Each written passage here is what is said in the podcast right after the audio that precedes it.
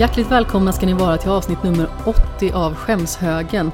Det har ju varit lite onödigt tyst från Skämshögen det senaste och detta är ju av den enkla anledningen att jag har klurat lite på en annan avsnittsstruktur för att kunna förnya podden en gnutta. Så vi har lite nya segment för att göra det lite mer intressant, kanske.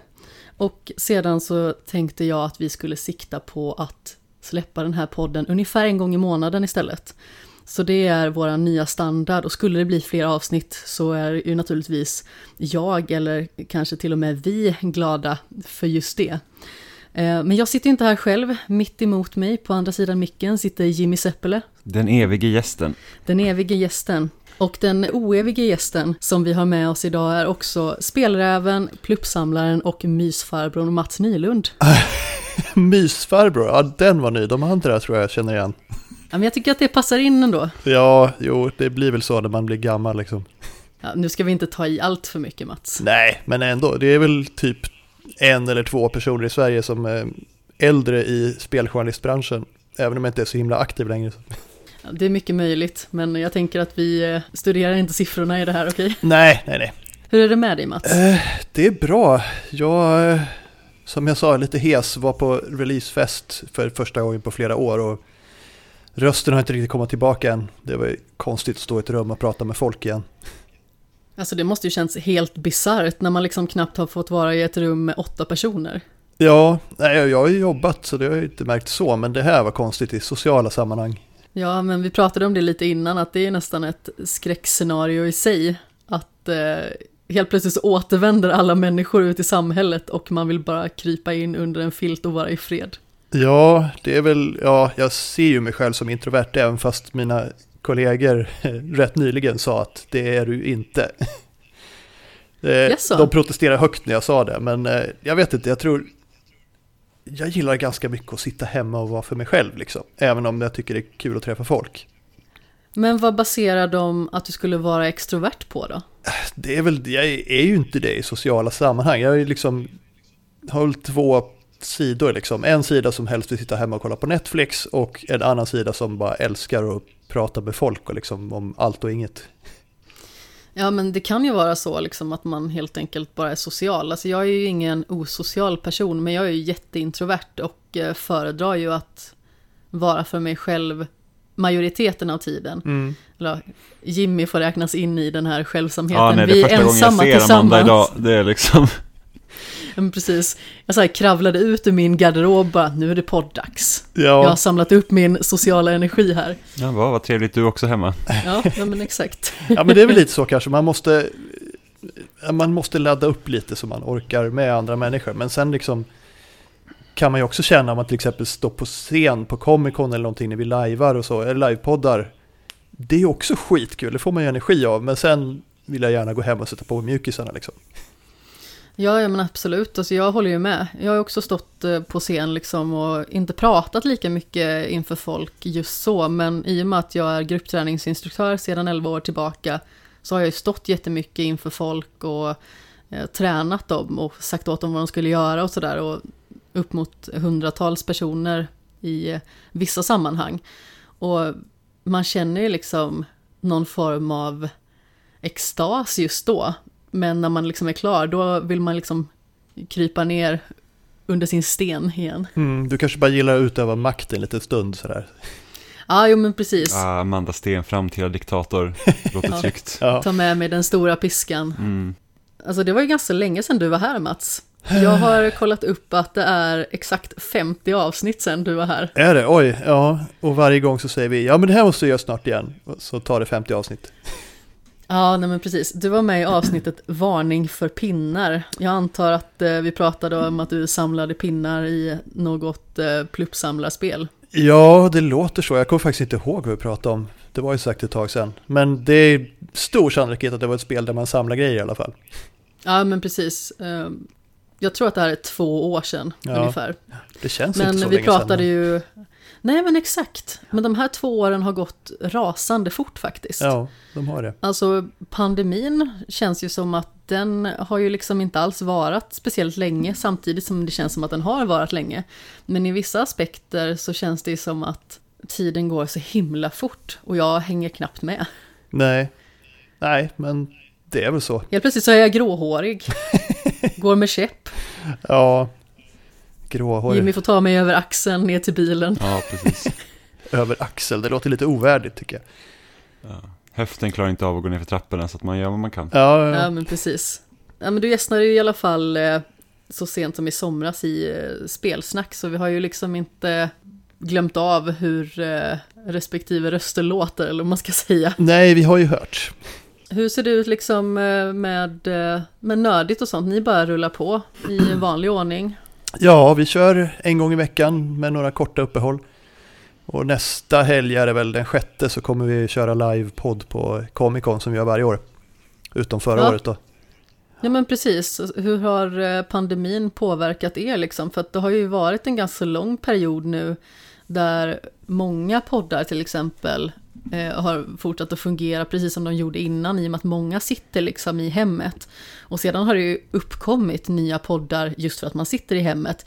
Men ni har ju haft en faktisk studio att gå till tidigare och helt plötsligt förpassades ni till, tror Jonas kök. Ja, men det gjorde inte så mycket för att eh, det var egentligen bra för mig för att vi började göra det på förmiddagar och då hade jag tid att vara med. Ja, eh, okej, okay, jag förstår. Så jag har varit med mer de senaste åren när jag har varit någonsin tror jag. Men eh, vi, vi, hade ju, vi har ju faktiskt sålt lite birch och så. Jag har försökt tjäna pengar på det för vi bryr oss inte. Men, men vi har sålt lite birch, vi har fått in lite stålar så vi har köpt på oss lite så här studiogrejer så att vi kan ju bara smälla upp en hemmastudio i vilket kök som helst. Det har vi gjort. Jo, men alltså det är ju också bra att ha tillgång till det. Säg att det skulle vara någon person av er som skulle vara med. Men att man kanske skulle få förhinder om man inte spelar in just i någons kök. Ja. Liksom.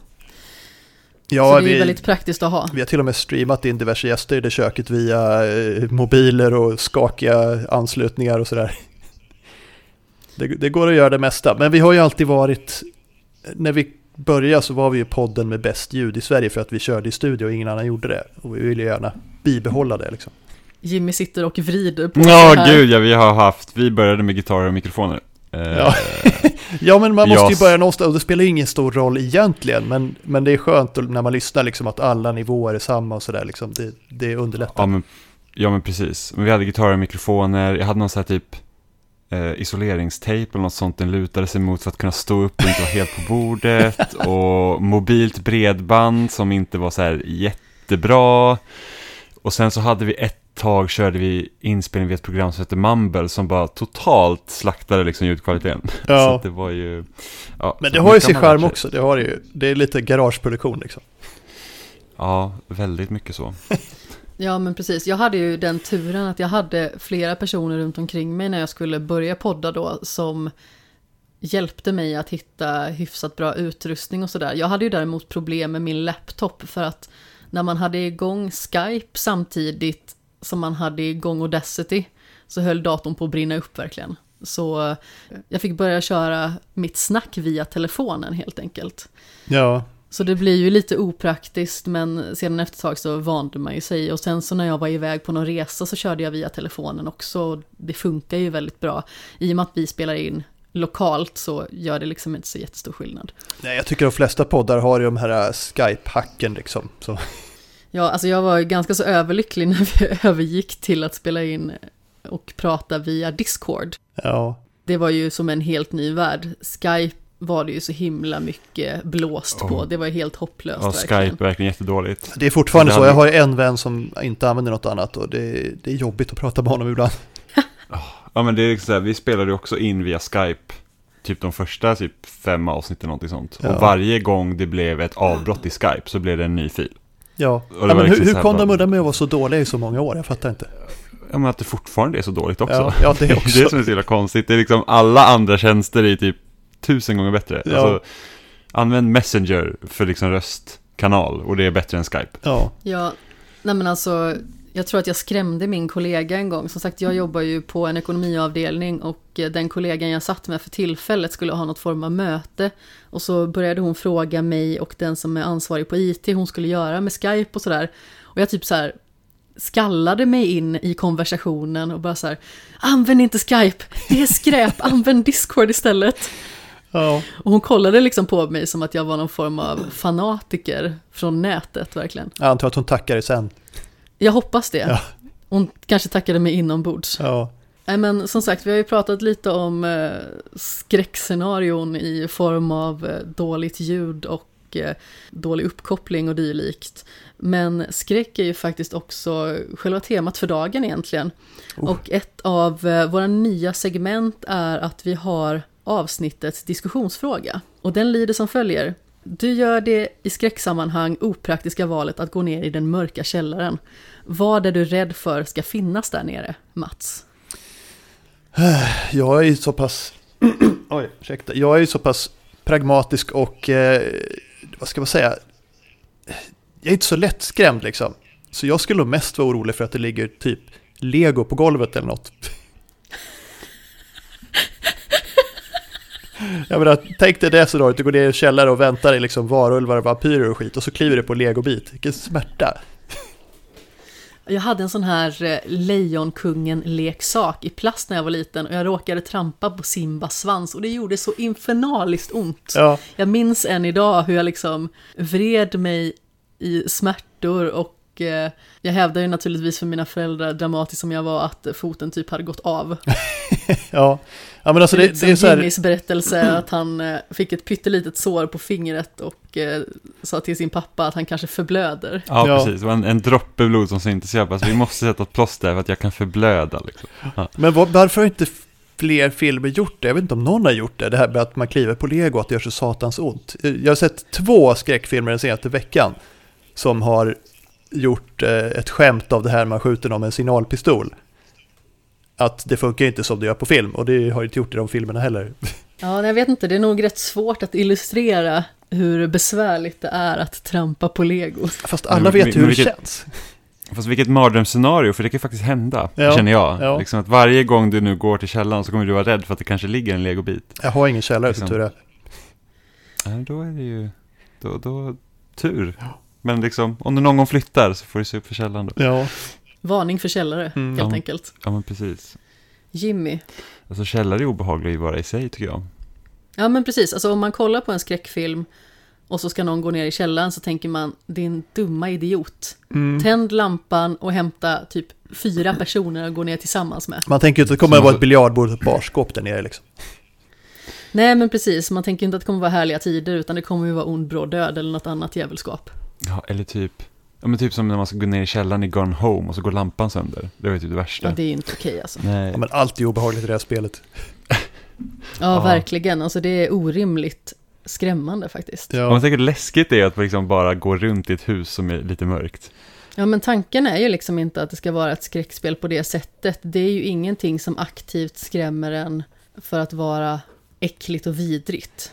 Utan Nej. det är ju mer kusligt. Men det är den sortens skräck som funkar på mig. Alltså jump scares och sånt och otäcka monster och så här går och så. Det funkar inte på mig. Jag vet inte varför. Jag, så här, jag har pluggat lite film, det kanske är det. Jag sitter och kollar på hur de har gjort det istället. Men kuslig stämning, det får jag få med varje gång. Liksom. Ja, men mm. alltså psykologisk terror, eller vad man ska säga, är ju nästan det värsta. Ja. Men sen så är jag ju en ultrafegis verkligen, så Jimmy har ju fått bevittna både det ena skriket och det andra liksom. Ja, jag har blivit ganska härdad med åren tycker jag. Alltså jag blir, det är jag trodde du hade blivit härdad av mina skrik. Ja. Jag är så härdad av mina skrik. Jag hör knappt någonting längre. Eh, det kallas för, det kallas för hörselskador tror jag. Ja, precis. Jag är praktiskt taget döv. Eh, nej, men jag, jag blir inte så rädd längre heller. Eh, men jag kommer ihåg, Hereditary var en sån film där de verkligen byggde upp liksom spänning. Liksom så att det, det, är så att det behöver inte hända så mycket, det behöver inte liksom hoppa fram något i ansiktet på det, utan det är liksom så att man vet att det kan hända någonting och då sitter man på helspänn. Det är mycket effektivare med saker som, som kan hända men inte händer än, än liksom monster med så här stora käftar och, och dregel och sånt liksom. Det Ja men precis, det är typ en av mina favoritsegment i Dead Space när man åker en hiss och det händer absolut ingenting. Men fan första gången man åkte igenom så var man livrädd för man var det måste komma någonting, det är helt svart. Ja, liksom. jag blev så besviken på Dead Space för det var ju nästan bara jump scare så jag, jag blev uttråkad. Ja, det var typ ett av de första skräckspelen som jag spelade själv. Och på den tiden då, då var jag lite fegare, mm. så då var det läskigare. Nej men ge mig Silent Hill som bara är creepy liksom och, och obehagligt. Det, det blir en sorts skräckspel. Mm. Ja, men det, det är oftast läskigast. Och sen ju mer, liksom, ju mer, ju mer arsenal man har också, ju mindre läskigt blir det. För till slut har man ju liksom, man är så stark så att det är liksom, det är inte läskigt längre. Nej. Jag kommer aldrig glömma i Dead Space när man blir inlåst med den här eh, nekromorfen. Ja, den här regeneratorn. Precis, den ja. återgenererar sina jäkla kroppsdelar. Och jag visste ju inte vad man skulle göra, så jag sprang runt där i cirklar och sköt den gång på gång på gång på gång. Och ingenting hände. Jag bara, är det här mitt liv nu? Jag kommer aldrig komma ut härifrån. Och bara, jaha, det fanns en knapp. Ja. Men det är så kul med spel också, för att man, man går ju in med förväntningar att man liksom ungefär vet hur spelet fungerar. Och så tror man liksom att man kan lura systemen. Mm. För det, det, var ju typ, när Resident Evil 4 kom, det var ju liksom helt alltså mindblowing, typ när fiender kunde gå igenom dörrar. Man trodde ju att så stänger man en dörr, då är man ju säker. För att det är ingen fiende som kommer öppna den. Kommer den här motorsågssnubben och bara sågar sig igenom. Alltså, ja, det var ju hemskt. Det är den där ah. första byn när man liksom, man tror att man är säker när man springer upp på övervåningen och stänger dörren. Det är man ja. inte. Nej, helt traumatiskt. Ja. Och sen när man kommer mot slutet, när det kommer också de här Eh, fienderna som också kan så här, återgenerera sig själv. Och jag bara, ja, men jag skjuter ner bort benen på den här fienden. För att då kan den inte gå längre. Och då blir den ännu snabbare. Och bara liksom kräla på golvet. Alltså det var också hemskt. Ja, men det är liksom så obehagligt när man tänker att nu har jag vunnit över spelet. Bara haha. Ja, ja, men det är så här för att... Så, och sen så ger spelet en långfingret. Ja, men speciellt ja. när det så här, så här fungerar... Jag vet hur spel fungerar. Och sen så kommer ett spel som bryter mot de konventionerna. Då blir det så här bara, what? Ja, nej men precis. Ja. Men Jimmy, vad är ditt svar på frågan? Ja, eh, om jag skulle gå ner i en källare så är det faktiskt eh, pojken från The Grudge. Ah. Oh. Det, ja, det, det kan nog, alltså det är liksom... Den filmen kommer nog hemsöka mig ända tills jag inte finns mer. Liksom, den är... Alltså den var, alltså det var, det var traumatisk när man såg den. Alltså, var, Men hur okay. gammal var du då egentligen? Den kom 2004, så jag måste ha varit 13 år när jag såg den. Mm. Och det var liksom alltså veckor av typ sömnlösa nätter för att jag var så rädd för den. Eh, och då är ju inte, då är inte liksom huvudskurken i den filmen då hon som typ hänger i taket och krälar sig fram som är läskig, utan den där lilla pojken, för att han gör egentligen inte så mycket. Han typ bara sitter och är typ helt blek. Och det är liksom så här att och se bara det liksom i ett hörn eller någonting sånt och höra någon så här gråter och man vet vad det är för någonting. Nej, fy fan vad äckligt. Ja, det låter vidrigt faktiskt. Ja. Alltså det är flera gånger så här, när jag bodde hemma fortfarande, vi bodde ju på liksom en stor gård, och så ska man upp liksom till höskullen med typ så här en liten lampa i taket som dinglar och som lyser knappt upp någonting. Och så är det liksom mörkt i, runt kanten. Det var många gånger som man bara fantiserar att nu är det liksom typ hur mycket, alltså Men vad kommer just komma den här? scenen har man ju sett i 30 skräckfilmer liksom. Man vet ju vad som kommer precis, hända. Man bara, nu ligger jag brun till. Ja, ja, ja. Alltså, alltså det, det, det, alltså ja. Jag vet inte riktigt vad jag hade gjort om jag hade sett det. Jag kommer ihåg senast jag så genuint var rädd för att gå ner i en källare. Det var när jag hade lyssnat på Seriemördarpoddens avsnitt om Ear-Ons. Mm. Det vill säga eh, East Area Rapist snedstreck eh, ja, ja, den. Original ja. Night Stalker. Jag kollar på dokumentären på HBO var det väl? Ja, men precis. Eh, I'll be gone in the dark. Ja. Det är ju så himla obehagligt för att det är ju en väldigt känd serievåldtäktsman och mördare som dessutom hade som metodik att bryta sig in hos folk. Och i början så bröt han sig in och eh, bara rotade runt och eh, stal grejer i vissa fall. Eh, ja, men... fast han var inte så mycket för källare va? Nej, men precis. Men jag kommer ihåg så himla tydligt just när jag hade lyssnat på den att när jag gick ner i källaren och skulle tvätta så tyckte jag att det var så himla obehagligt. För att där var det liksom ganska så mörkt och tyst. Mm. Men eh, det är inte det jag tänker säga. Jag kan nog tänka mig att så här, femåriga Amanda hade nog varit livrädd för att morran skulle finnas i källaren. ja. Jag skulle fortfarande kunna säga att jag är rädd för morran. Eh, men mer liksom på ett så undermedvetet plan. Men eh, nästan 25 år senare så hade jag förmodligen sagt Slenderman. Ah. Mm. Jag upprepar mig själv ganska så mycket med det här, men mörka skepnader tycker jag är fruktansvärt vidrigt. Eh, I och med att det var mörka skepnader jag såg när min sömnparalys var som värst. Nu har ju ja. den hållit sig i schack under en väldigt lång period. Men jag liksom hade en sovalkov under den perioden när den var som värst. Och det var flera gånger jag liksom drömde att det kom en mörk skepnad gåendes mot mig. Och det är så himla obehagligt och vidrigt. Och Slenderman är ganska så lik där. Det är liksom en lång man med långa lemmar i kostym och han har inget ansikte. Nej. Det är en mörk, superobehaglig skepnad. Men han är väl skapad för att vara så här, det ultimata, obehagliga skräckfilmsmonstret liksom. Ja, ja, men precis. Men grejen är ju att man vet ju liksom inte riktigt vad som händer med folk känns det som. Alltså när man träffar Slenderman. Nu har inte jag sett någon film specifikt med Slenderman för att jag vågar inte. Men visst var... Jag är superrädd. Eh, Slenderman, var inte det liksom just typ där han skapades som en så här internetmyt bara? Så det blir nästan jo, som en... på uh, Something ja, Awfuls forum. Ja, för det blir lite så här som en, en modern version av... Um, och vad heter Svarta den? Sara, eller vad heter det?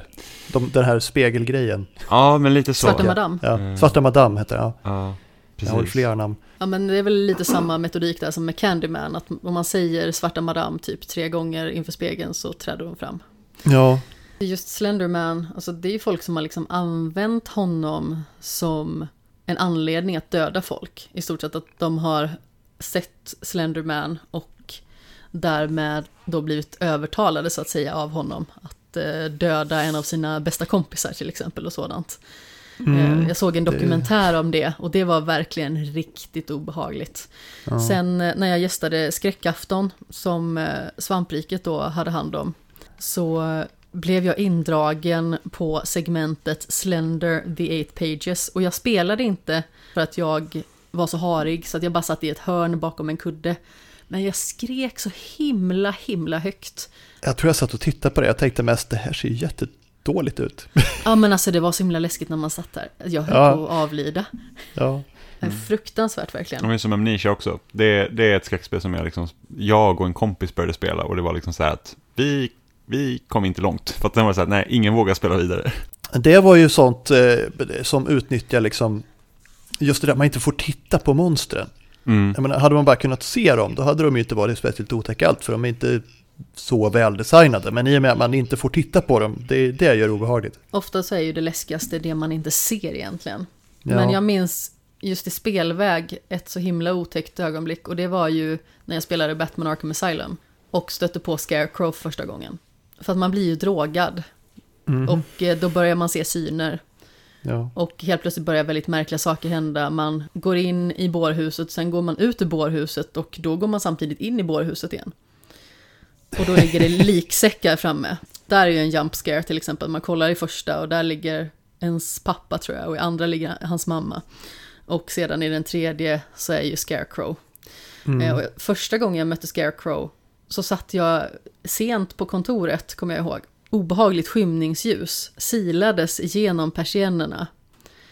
Och Scarecrows är ju verkligen så här mörk skymningsstämning. Och sen så kommer den här obehagliga rösten. Och jag var så himla rädd verkligen. Sen idag när jag stöter på Scarecrow är jag ju inte lika rädd alls. Jag har ju spelat Batman Arkham Asylum typ, vad är det, sju, åtta gånger eller någonting sånt vid det här laget. Men första gången jag stötte på det, det var fruktansvärt verkligen. Jag hade ju aldrig varit med om något liknande i spelväg i och med att det här var liksom spelet som väckte upp mitt intresse på riktigt. Så det här var ju 2012 liksom.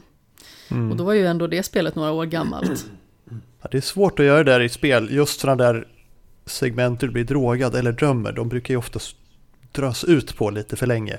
Ja, alltså Scarecrow kommer ju tillbaka några gånger och det är kanske det som gör att det inte blir lika läskigt den andra och den tredje omgången. Men just den första, jag höll ju på att skita snett verkligen. Mm. Och jag var ju också ensam kvar, naturligtvis, i hela lokalen. Så ja, ja. det var äh, inte trevligt.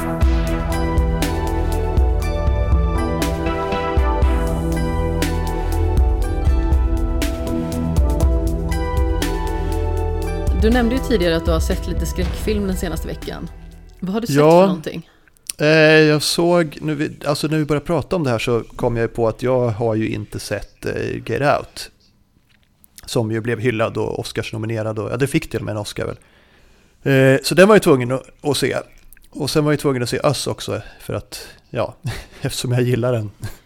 Och jag sa ju också dessutom att jag skulle se den och det har jag tyvärr inte gjort för att jag är hopplös och jag skulle se den på Netflix. Ja, det är bara att skylla på dem. När jag väl skulle se den på Netflix så var den borttagen av de skurkarna. Så mm. jag har tyvärr inte sett den till idag. Nej, sen såg jag också, ja, sen såg jag också klassisk eh, splatterfilm fast från Norge som kom på Netflix förra veckan. Jaha. Som hette I död och lust. Och den var, eh, ja, den var rätt bra, den var rolig liksom. Det var så här, som en sån här klassisk, det kunde ha gjorts på sent 80-tal, tidigt 90-tal liksom. Det, det görs inte sådana filmer längre, så det var lite kul. Men vad tyckte du om Get Out då, om vi börjar där? Den tyckte jag var jättebra. Jag tror att det lite beror på att jag inte har blivit spoilad på något sätt. Jag vet inte hur det har gått till. Jag, jag kommer ihåg första gången jag såg Psycho och inte heller hade blivit spoilad. Då var jag typ 25. Så det är egentligen sjukt osannolikt. Ja, den filmen är ju hur gammal som helst. Ja, jag vet, men jag visste inte vad det var som skulle hända. Och jag, alltså när, mitt i filmen när liksom huvudpersonen blir mördad, det är man ju inte beredd på om man inte vet det och jag visste inte det. Ja, det är imponerande ändå att du har lyckats eh, komma undan det där. Ja, och den här är ju lite, det är lite samma sak. Det är ju ingenting som är vad det verkar liksom. När man, när man har sett den och tittar tillbaka på det så ser man ju liksom att jaha, det där var ledtråd till det liksom. Nu fattar jag. Men det bygger ju upp, alltså det, det jag gillar med den är egentligen inte själva skräckmomenten. Det är ju lite body horror och sådär.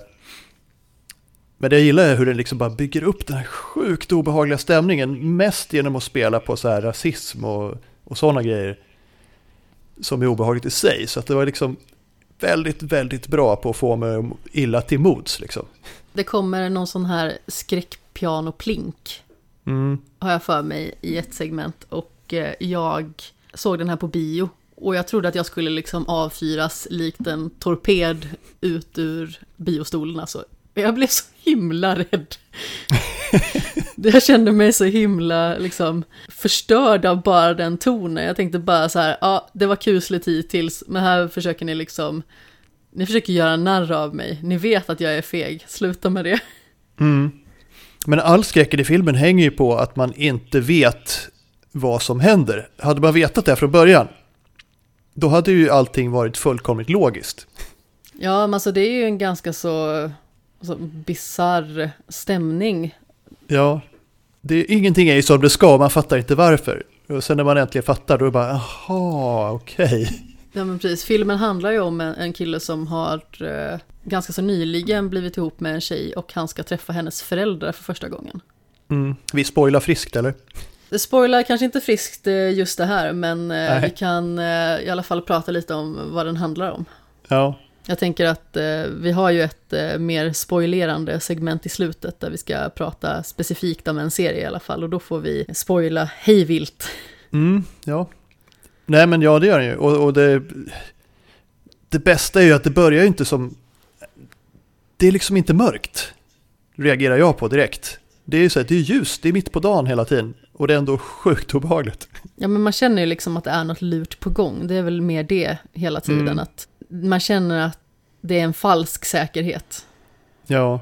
Jag tror filmen är väldigt bra så den illustrerar också, tror jag, att sätta sig in i, då, i huvudkaraktärens position, liksom att han är den enda svarta bland massa vita och liksom det är så att man känner sig aldrig liksom säker, utan man, man får hela tiden, just det här med att det är så att det är någonting som är galet, men man vet inte riktigt varför. Det känns som att det på något högre plan är en antagonistisk stämning, ja. även att det liksom inte är uppenbart på det sättet. Ja, men precis. Och sen ja. tror jag att alltså, huvudkaraktären, oavsett om det varit en skräckfilm eller inte, så hade han förmodligen haft kanske en lite olustig känsla i, liksom, i den kontexten han befinner sig i. Förmodligen. Ja, ja, men det hade ju kunnat vara en SNL-sketch liksom, med samma obehagliga känsla för att han är den enda svarta på det här vita godset. Liksom.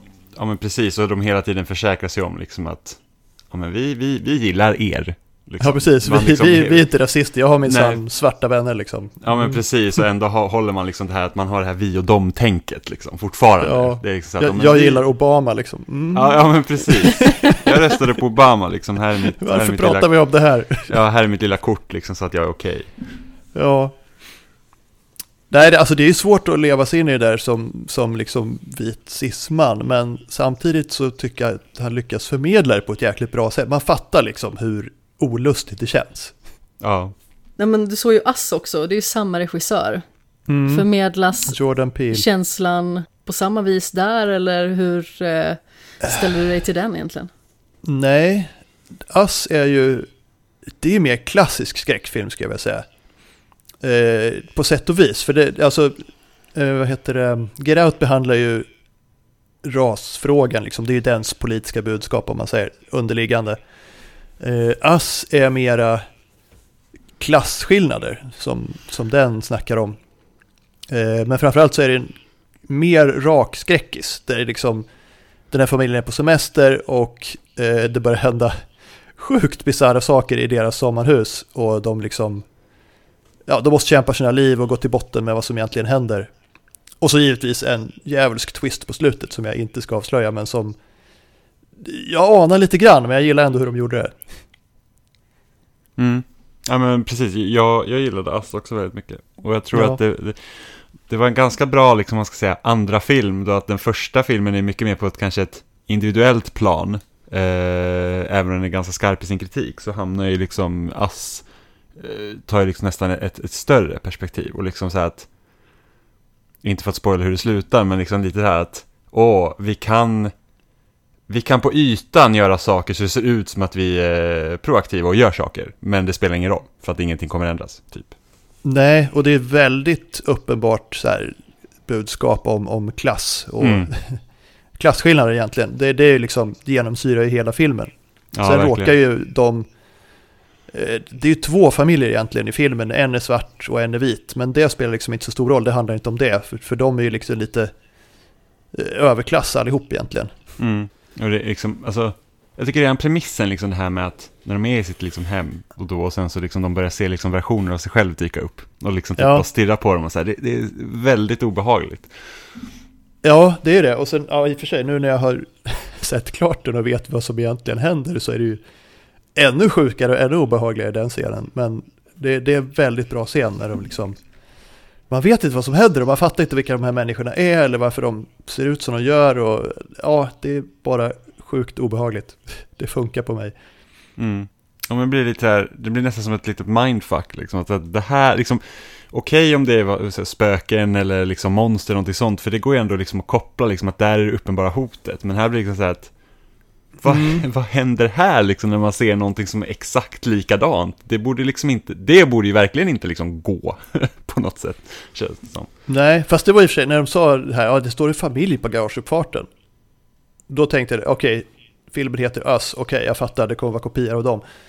Men sen var det ju inte riktigt så ändå. Nej, nej men precis.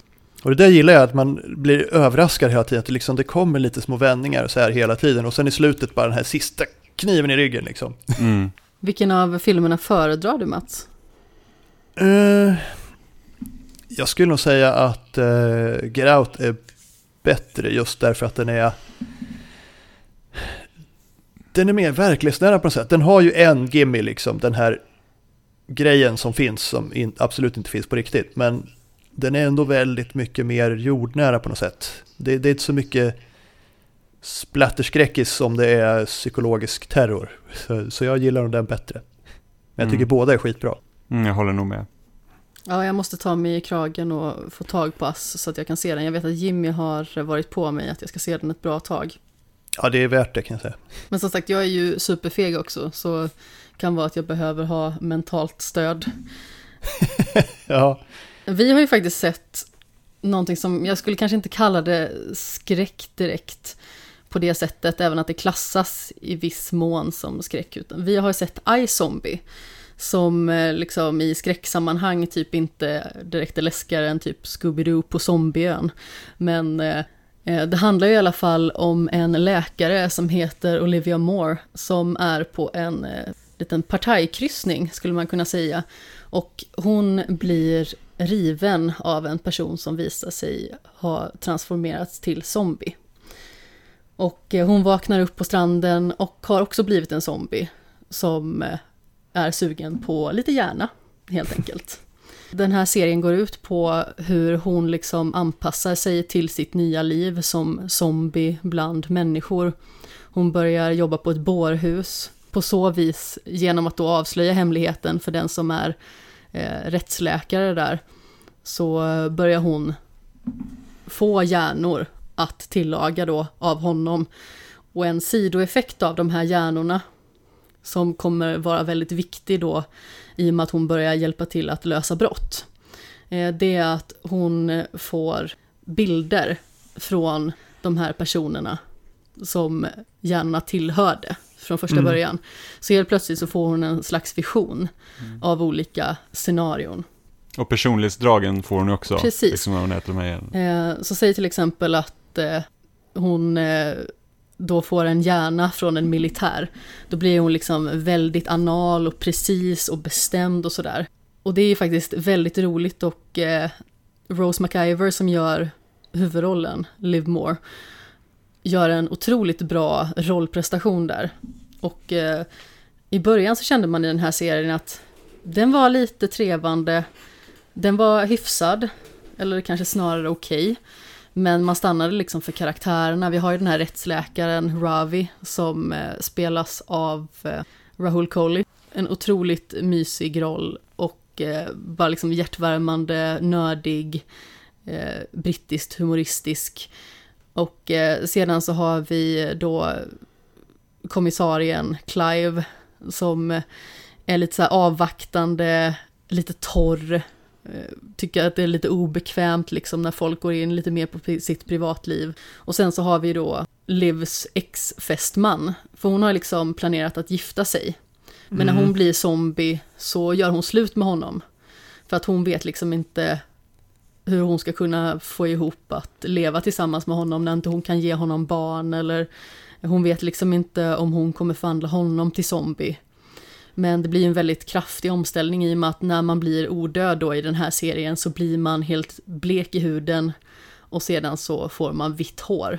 Mm. Och så länge man liksom har tillgång till hjärnor med jämna mellanrum så blir man inte liksom det här förruttnande, liksom klassiska zombien. Men precis, man, man blir man, inte en man, The Walking Dead äckelzombie. Nej, man är liksom en nej. högfunktionell, egentligen människa ja, som precis. är lite blekare. Liksom. Man kan maskera någorlunda väl att man faktiskt är en fungerande människa, även att man är odöd då, så länge man får lite hjärna då och då. Och ja. Jag tycker att idén är fantastisk. Eh, just att det liksom är en skräckkaraktär eller liksom ett monster som helt plötsligt vandrar bland vanliga människor. Gör de det liksom, eh, gör de en komedigrej av det att hon är zombie eller spelar de det straight liksom? Nej men alltså det är lite varierande. Alltså mm. jag skulle nog säga att det är en blandning mellan då eh, zombie, komedi och drama egentligen. Mm. Ja, det är en... Och lite kriminaler naturligtvis. Och det är en CW-serie så att det blir liksom, alltså tänk dig typ, den är inte lika liksom high school-inriktad som till exempel eh, One Tree Hill och, och, och de serierna, men det är liksom samma, eh, ganska lättsamma ton emellanåt. Mm. Eh, så den är vad ska man säga, typ en så här, Criminal Minds lätt-variant eller liksom, jag vet inte riktigt vad man kan. Nej, eller typ alltså, så här, mer oseriös uh, The Medium eller vad man Alltså brottsbekämpningen är ju inte central på det sättet att det liksom är viktigt för att det är intressant att se hur de löser brotten. Utan det är ju liksom mer intressant i hur det för karaktärerna samman. För att i och med att fler och fler har börjat bli zombies, den här kryssningen till exempel, eller den här båten som, eh, som man var på, på den här festen. Det finns ju fler zombies som har kommit därifrån. Fler zombies än vad man tror som vandrar bland vanliga människor. Och sedan så liksom började det byggas upp en förfrågan då att komma åt hjärnor liksom på svarta marknaden i stort sett. Och det finns folk som utnyttjar det. Det finns ju naturligtvis stora skurkföretag och sånt också första säsongen, den är liksom lite stapplande och sådär och den försöker hitta sin form. Men jag tycker verkligen att i synnerhet under andra säsongen så lyfter den väldigt mycket.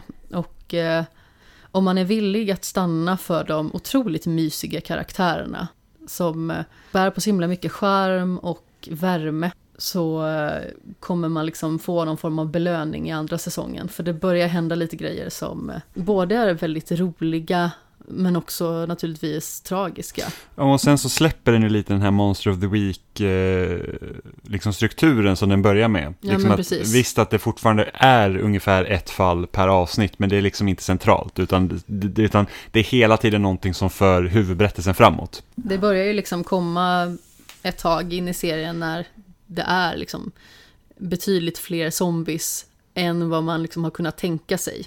Mm. Eh, och då händer det ju väldigt bisarra saker för huvudkaraktärerna och eh, även liksom i Seattle då som själva serien utspelas i. Ja, det är inte som liksom Arkivex när man liksom kan ha typ sju, åtta avsnitt på rad där det absolut inte händer någonting som för huvudstoryn framåt. Och sen så kommer det kanske mm. tre avsnitt på rad som bara säger nu händer det jättemycket och sen så går man in i det här lullull igen. Fast det var ju på den gamla goda tiden när amerikanska tv-serier hade så 25 avsnitt per säsong. Ja, Då kunde man offra några stycken. Ja, men precis, så är det. Jag minns, eh, vi såg ju Arkivex ordentligt.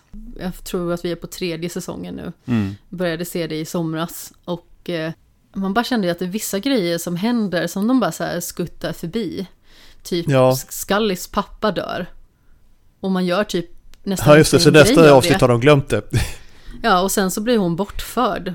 Och det är ja. liksom inte heller en så jättestor grej efter ett tag. Så det känns som att de hoppar över sådana här väldigt stora, viktiga grejer i serien. Ja. Fast just det är ändå en serie som jag känner har hållit väldigt bra. Jag såg om den för några år sedan i sin helhet. Och till och med de sista säsongerna överraskade hur bra de var fortfarande. Ja men alltså jag tycker ju att eh, både David Duchovny och eh, Gillian Anderson gör ju väldigt bra roller. Ja, men även deras eh, efterträdare sen är faktiskt överraskande bra. Ja, okej. Okay. Men man verkar väldigt tydligt när produktionsvärdet börjar gå upp lite grann. Mm, jo, när de... ja, det fanns ju inget internet när de började. Så det var ju, de visste ju inte att de var en hit. Nej. Under inspelningen. Det var så kul också, typ i första säsongen, om något skulle vara läskigt så bara vi tar två stora spotlights och så lägger vi dem bakom en kulle så får det bara lysa lite här och det ska vara jätteläskigt. Ja, det var verkligen standard att återkomma till. Alla ufon är liksom egentligen en spotlight på ett, ett snöre. Liksom. Ja, men precis. Ja, men exakt. Alltså, en av de roligaste grejerna som jag och Jimmy ironiserade kring väldigt mycket, det är ett tillfälle när eh, Mulder ska rädda Scully. Och det låter verkligen som att han har spelat in det här skriket i en studio och sedan så mimar han till det, för det är så här Scully! ja, det passar inte alls. Det, var liksom... det kan ju vara ADR i och för sig, att han har lagt till det efteråt. Ja, absolut, det, det måste det vara för att det liksom... det lät så himla märkligt i sammanhanget för att det var så här, var kom det där skriket ifrån? Ja. Det lät liksom som att det inte passade in i situationen för fem öre. Ja, men iZombie, det är en sån här serie som jag, ja, fan, som jag har tänkt se men inte gjort. Men jag gillar ju sånt när man liksom gör något nytt med en gammal trött genre. Som, vad heter det, vad heter det nu igen? What We Do In The Shadows. Det är ju skräckparodi av liksom högsta märke också. Ja men precis, och även True Blood när den kom tyckte jag liksom tog någonting ganska ja. så nytt till bordet. Och det är ju lite likadant som i iZombie egentligen att grejen med True Blood det är ju liksom att de kommer ut ur kistan så att säga. För att Helt plötsligt ja, så finns det, det är vampyrer. lite, de, de besvarar väl, eh, och Under Shadows besvarar väl frågan vad skulle hända om vampyrer var dumma i huvudet? Och True Blood är väl snarare vad skulle hända om vampyrer var jävligt kåta? ja, det är ju för sig helt sant. De är ju ganska så eh, slinkiga av sig, får man väl ja. säga. Men eh, jag gillar ändå liksom den idén när man tar liksom ett skräckkoncept eller liknande och bara så här, placera det i verkligheten. Vad händer om det vandrar sådana här karaktärer ibland oss?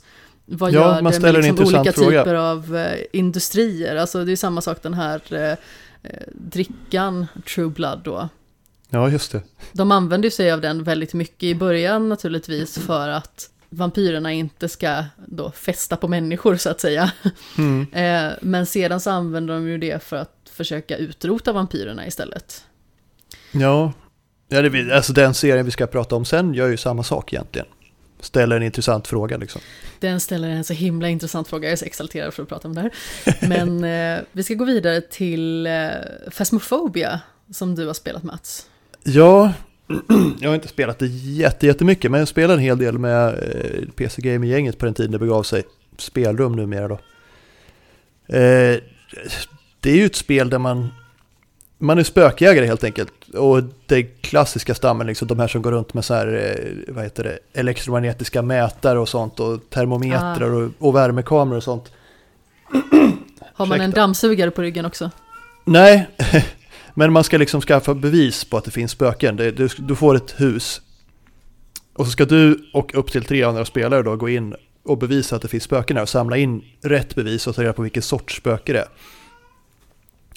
Eh, och det är liksom som, alla de här klassiska spöktropesen finns ju med, liksom att, att det blir kallt i rummet och, och, att man kan höra saker om man sätter på en bandspelare och sådär.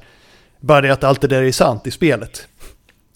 Så det är så man jagar spöken. Och det Det gör väldigt mycket med väldigt lite. Det är liksom, det är indie, det är inte så snyggt sådär. Men eh, det blir ändå ganska otäckt när spökena börjar jaga en, för det kan de göra om man stör dem för mycket i sin jakt på bevis liksom. Ja, men jag kan tänka mig det. Jag googlade lite bilder och såg rätt risigt ut, precis som du säger. Ja, det, men... det ser så där ut, men det tänker man inte på när man spelar det, för då är man helt inne i det här, försöka hitta spökena och hitta bevis på vad det är för något. Men det är samma sak, PT ser också ganska så risigt ut, men man håller ju på att knäcka i brallan där liksom, för att det är så himla läskigt. Det går ja. ju inte att spela. Ja, nej det är väldigt bra på fånga. Framförallt så är det bra i multiplayer, för då är liksom tre, fyra spelare samtidigt som försöker liksom hjälpas åt för att samla bevis och så råkar någon reta upp spöket och blir jagad, liksom försöker ta sig ut ur huset och så dör han. Och ja, det, allt blir oftast rädda röra i slutet av uppdraget, men det, det är skitkul ändå. Men det, det, spöket är alltid en AI va? Det är inte mänskligt motstånd? Nej, eh, ja det kanske är en idé, det kanske kommer, för det är fortfarande en utveckling vad jag har förstått. Men mm. eh, nej, det är alltid AI-spöken och det kan väl vara ett eller flera i varje hus. Ah, okay. Beroende på hur stora de är. Så det är, men du börjar alltid i din värn liksom, och där har du kameror som du kan placera ut och du har utrustning som du måste köpa då. Olika mätare och instrument och så här. Eh, mm. Böcker som du kan lägga ut som spöket kan bläddra i och sånt. Så det, det är lite detektivarbete, det gäller liksom att lista ut vad det är för spöke, hur man ska eh, få fram de här bevisen som man vill ha och eh, hur man ska ta därifrån utan att bli dödad av spöket. Liksom. Mm. Så det, ja, det, det är lite udda, men väldigt välgjort trots att det ser som sagt ganska kackigt ut och skitkul i multiplayer framförallt. Mm. Jag får hoppas att det blir någon sån här konsolrelease av det spelet. Ja, det skulle kunna funka rätt bra faktiskt. Mm. Inte för att jag inte har en PC jag kan spela på, men jag arbetar mer vid datorn än vad jag spelar på den. Ja. Jo, men det, är, men det är ett sånt spel som ska spelas i ett mörkt rum med kompisar liksom. Mm. Det helt klart. Och jag är den personen som sitter bakom kudden. Ja, men du kan stanna i världen och kolla på tv-skärmarna så kan, får de andra placera ut kameror som du kan titta på. Liksom. Ja, men det låter vettigt. Ja. Så länge jag är trygg. Ja. Har du något ja, mer att säga om uh, Phasmophobia? Nej, det är väl mest det. Det är väldigt enkelt koncept, men som sagt, det, det, är bra gjort och det är... Är man lagd för att bli rädd så är det sjukt kusligt. Jag uh, håller mig undan, helt enkelt. Ja, jag. det kanske är bäst.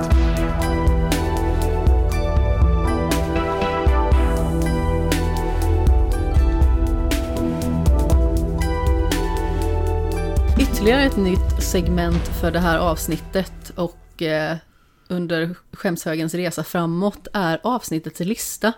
Som vi alla vet så är jag en eh, listfanatiker av rang och älskar att ha med listor. Och jag tänkte att jag faktiskt ska göra det till liksom ett fast segment nu. I det här avsnittet så tänkte jag att vi skulle ta våra topp tre karaktärer i skräckkultur. Det kan vara i film, spel, serier, böcker eller vad som helst. Eh, det behöver liksom inte vara monster eller dylikt, utan det kan helt enkelt vara en karaktär som figurerar i en skräckkontext. Och jag tycker att du får börja Mats. Oj, så här on the fly. Jag kanske ska ha läst körschemat lite noggrannare. Kanske lite.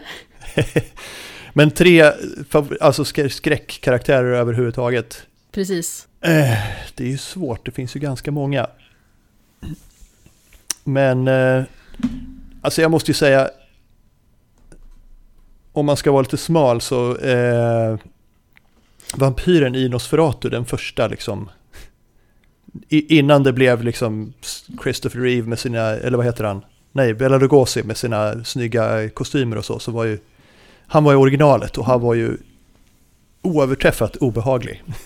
Vilken är din andra på listan Mats? Min nummer två är ju faktiskt eh, monstret i Alien. Just därför att, eh, och just i Alien specifikt, inte i franchisen, för att i den filmen så är ju monstret, när man väl ser det, det är ju bara en lång kille i en gummidräkt liksom. Det är inte så spännande, men... Dräkt som gör robotdansen. Ja, men det är, man ser så lite av den. Det, det är liksom... Det är mästerligt gjort hur de liksom bygger upp det här. Man vet inte vad det är för något och det är så här, och någon blir dödad och man ser en liten bit av den. Det är det är skitsnyggt gjort och den filmen är nog en av mina absoluta favoritfilmer också. Så den får jag säga som nummer två, Xenomorphen som det heter. Ja men alltså den håller förvånansvärt bra idag faktiskt. Ja, den och även tvåan fast den är ju mer en actionfilm. Mm. Men det är, alltså jag älskar den estetiken också, det här med stora feta knappar och stora LED-skärmar och allt är så analog digitalt liksom. Det är, det är så framtiden såg ut på 80-talet. Mm. Allt är så knubbigt. Ja, jag älskar det. Jag tycker det är fantastiskt. Mm. Ja, jag tycker också om den estetiken. Jag tycker det är helt, alltså jättebra verkligen. Oerhört charmigt. Det ja. finns ju ett spel som utannonserades för jättemånga år sedan som heter Routine. Eh, som är någon sån här indieutvecklad skräck som ska utspela sig på en rymdstation. Och det liksom kommer aldrig ut. Och där har du också så här samma där analoga estetiken på all liksom equipment som jag tycker är fantastiskt. Men det... Just det, jag undrar om inte jag har det på min önskelista på Steam. Jag, om ja, jag tror det skulle ha släppts typ, jag tror de hade så här, ja men release-datum 2017 och 2018 och sen så kom det inte ut. Nej. Och sen var det så här, ja vi behövde skjuta på det och, och, och sen liksom Sen ingenting efter det. Och jag kollar sen med jämna mellanrum så om någon, något litet livstecken från det spelet. Men det, det ser mörkt ut. Ja, ja nej men jag, jag sitter och tittar på två skitstora statyetter som jag köpte nyligen med, av Ripley och en, en astronaut med en facehugger. Som Weta ah. Workshop säljer. De är fantastiska. Mm. Eh, så det är absolut favorit. Eh, den tredje är lite, lite på samma tema, att något man inte ser och också en klassiker, det är eh, monstret i eh, Monstret från är det Svarta lagunen, det heter det va? Ja, jag tror det. Ja, det är eh, Just därför att det är exakt samma sak där. Det, de är så sparsmakade med själva monstret. Eh, det blir liksom den så här, råkar komma åt någons ben när de är ute och simmar och så här, eller drar ner någon och så släpper de. Och man får nästan hela filmen får man inte riktigt se monstret. Sen när man väl får det så ser det ut som en kille i en gummidräkt också såklart. Men, eh, en kille med simfötter. Ja, och det är det ju faktiskt. Men, men det, det där är också lite därför att, eh, jag menar, xenomorfen är ju bara, eh, den är inte ond, men den är ju bara naturkraftlig. Den vill ju bara föröka sig och döda allt i sin väg. Men den här varelsen känns lite mer tragisk också. Den, den eh, jag vet inte, jag får en känsla av att den kanske bara ville ha kompisar egentligen. Att den inte bara vill, ville döda alla. Den ensam. Ja, lite så. Så det är också en favorit. Det blir mycket klassiska filmer märker jag. Ja, men det är fint. Det var väl de tre jag kom på. Jimmy, mm. vad är din topp tre? Eh, min etta det är VHS-bandet i The Ring. Oh, den var bra. Ja, det alldeles för ung när jag fick gå på bio och se The Ring och sitta på eh, första raden. Ja. Och sen det där jäkla bandet sen i slutet när liksom tvn börjar spela sig själv och hon kryper ut ur tvn. Det, det kan nog vara ett av de värsta liksom, så här, skräckmoment jag har varit med om. Ja. För att den, redan var ju filmen rätt så läskig liksom i sig. Den var fruktansvärt läskig. För, för vadå, jag den var 12. hemsk. Och sen så liksom bara så att man tror ju att, det, att filmen är slut. För den får ju typ ett lyckligt slut innan liksom mm. sista delen. Och liksom, nej för fan. Och sen så tänk då på den tiden, vi hade då ju banne ingen DVD-spelare, så man har ju liksom en VHS-TV som står i rummet, så man var ju typ livrädd i en vecka. så den där jävla TVn skulle börja liksom spelas om. Ja. Det, det, var, det är liksom en, en, väldigt, jag tycker det är en bra idé liksom att ta den här analoga tekniken liksom och typ spinner vidare på att det är objekten som är farliga egentligen. Eh, och liksom just med att vilken stor spridning det kan få liksom man delar med sig det här bandet och, och, och, just man tar också det att det är så att ja, men det är skolungdomar som liksom sprider här och liksom gör dumma saker och liksom ska visa vidare. Så det, det var ja, men det är klart, det, det var ju det man gjorde när man gick i skolan. Ja, ja, men precis. Så det, nej usch. Det var precis på höjden också av när liksom så här asiatisk skräck kom till eh, kom liksom hit till den här delen av världen. Det var liksom massa sådana filmer där. Som The Grudge som vi pratade om tidigare också. Och sen typ så här The Eye och One Missed Call och Dark Water och allt sånt. De så är bra när... på obehagligheter. Ja men verkligen. Och så här, speciellt när det är sånt som liksom inte... Det är liksom inte den typiska skräcken som vi har fått se innan. Liksom att, för att det är liksom en helt annan kultur liksom, som har tagit fram de här grejerna. Ja, men mm. även liksom Parasite som inte är en skräckfilm har ju ganska så skräckinjagande element till exempel. Som nu släpptes för eh, snart två år sedan. Ja. Ja, men det... det Magisk film Ja. Eh, andra är ju inte riktigt något monster utan det är ett radarpar och det är ju Mulder och Scully i Arkivex. ja, jo, de hade jag kunnat haft med på min lista också tror jag. Ja, för att liksom, även nu har inte jag sett hela Arkivex, utan det har ju varit så att man tittar ju på, vi, har, vi hade kommit till säsong tre, så där har vi i alla fall sett dem eh, i rad. Men sen har man liksom, det är ju något som alltid har gått typ på fyran, ända sedan liksom serien kom. Så här, typ klockan halv ett på natten så kommer ett avsnitt Arkivex och så får man höra den där jäkla gingen som man typ livrädd för och sen så... Jag hörde det i huvudet när du sa det. Ja, men precis. Och sen så, men, men de två liksom gör ju den serien väldigt mycket. Alltså, och där sover inte Mats i natt. Nej, precis. När jag tänker lite på gingen i Arkivex då är det kört. Ja, fy fan. Uh, nej, så att det är ju... Så att de som radarpar liksom är ju, tycker jag är liksom... De var väl lite det första radarparet liksom. Det var sen tid Sam och Dean liksom. Ja, ja men precis. Supernatural är ju väldigt mycket liksom Arkivex egentligen för typ 2000-talet. Ja, eh... jo, det, om, om de inte, om de frilansar liksom. Ja, ja men precis, precis. Eh, så det blir så här att, vad ska man säga, att Sam och Dean är lite mer så här, de är lite mer grunge, lite mer punk. De går liksom ja. utanför lagen. Det är inte så himla mycket paragrafryttare där inte. Fast å andra sidan så är ju inte direkt eh, Mulder någon eh, paragrafryttare. Nej, nej, men de, de, de jobbar ju ändå liksom för liksom, eh, FBI.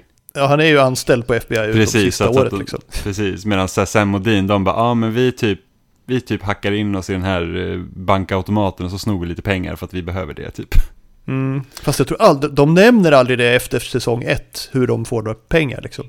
Nej, nej precis. Det är liksom, de, de, de glömmer av väldigt mycket. Liksom att, ja, att, bara deras någon... bensinräkning måste ju vara astronomisk liksom. Ja, ja men precis. Och så här, typ, de var ju jagade ett tag av, om det var FBI eller någonting sånt. De var typ efterlysta ja, för mord och grejer, för de var så här, det är massa döda kroppar och, och det enda som de kunde koppla ihop det till var de här två bröderna. Ja.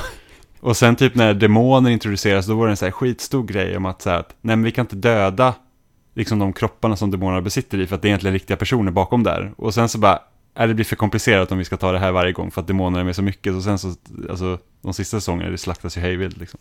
Ja. Ja, så att det, det är rätt så, ja men det, ja, Supernatural är en bra serie också. Ja, det är Eh, och sista då, då är det egentligen första så här grejen jag var riktigt rädd för egentligen. Det är Michael Myers i Halloween. Filmen. Ah.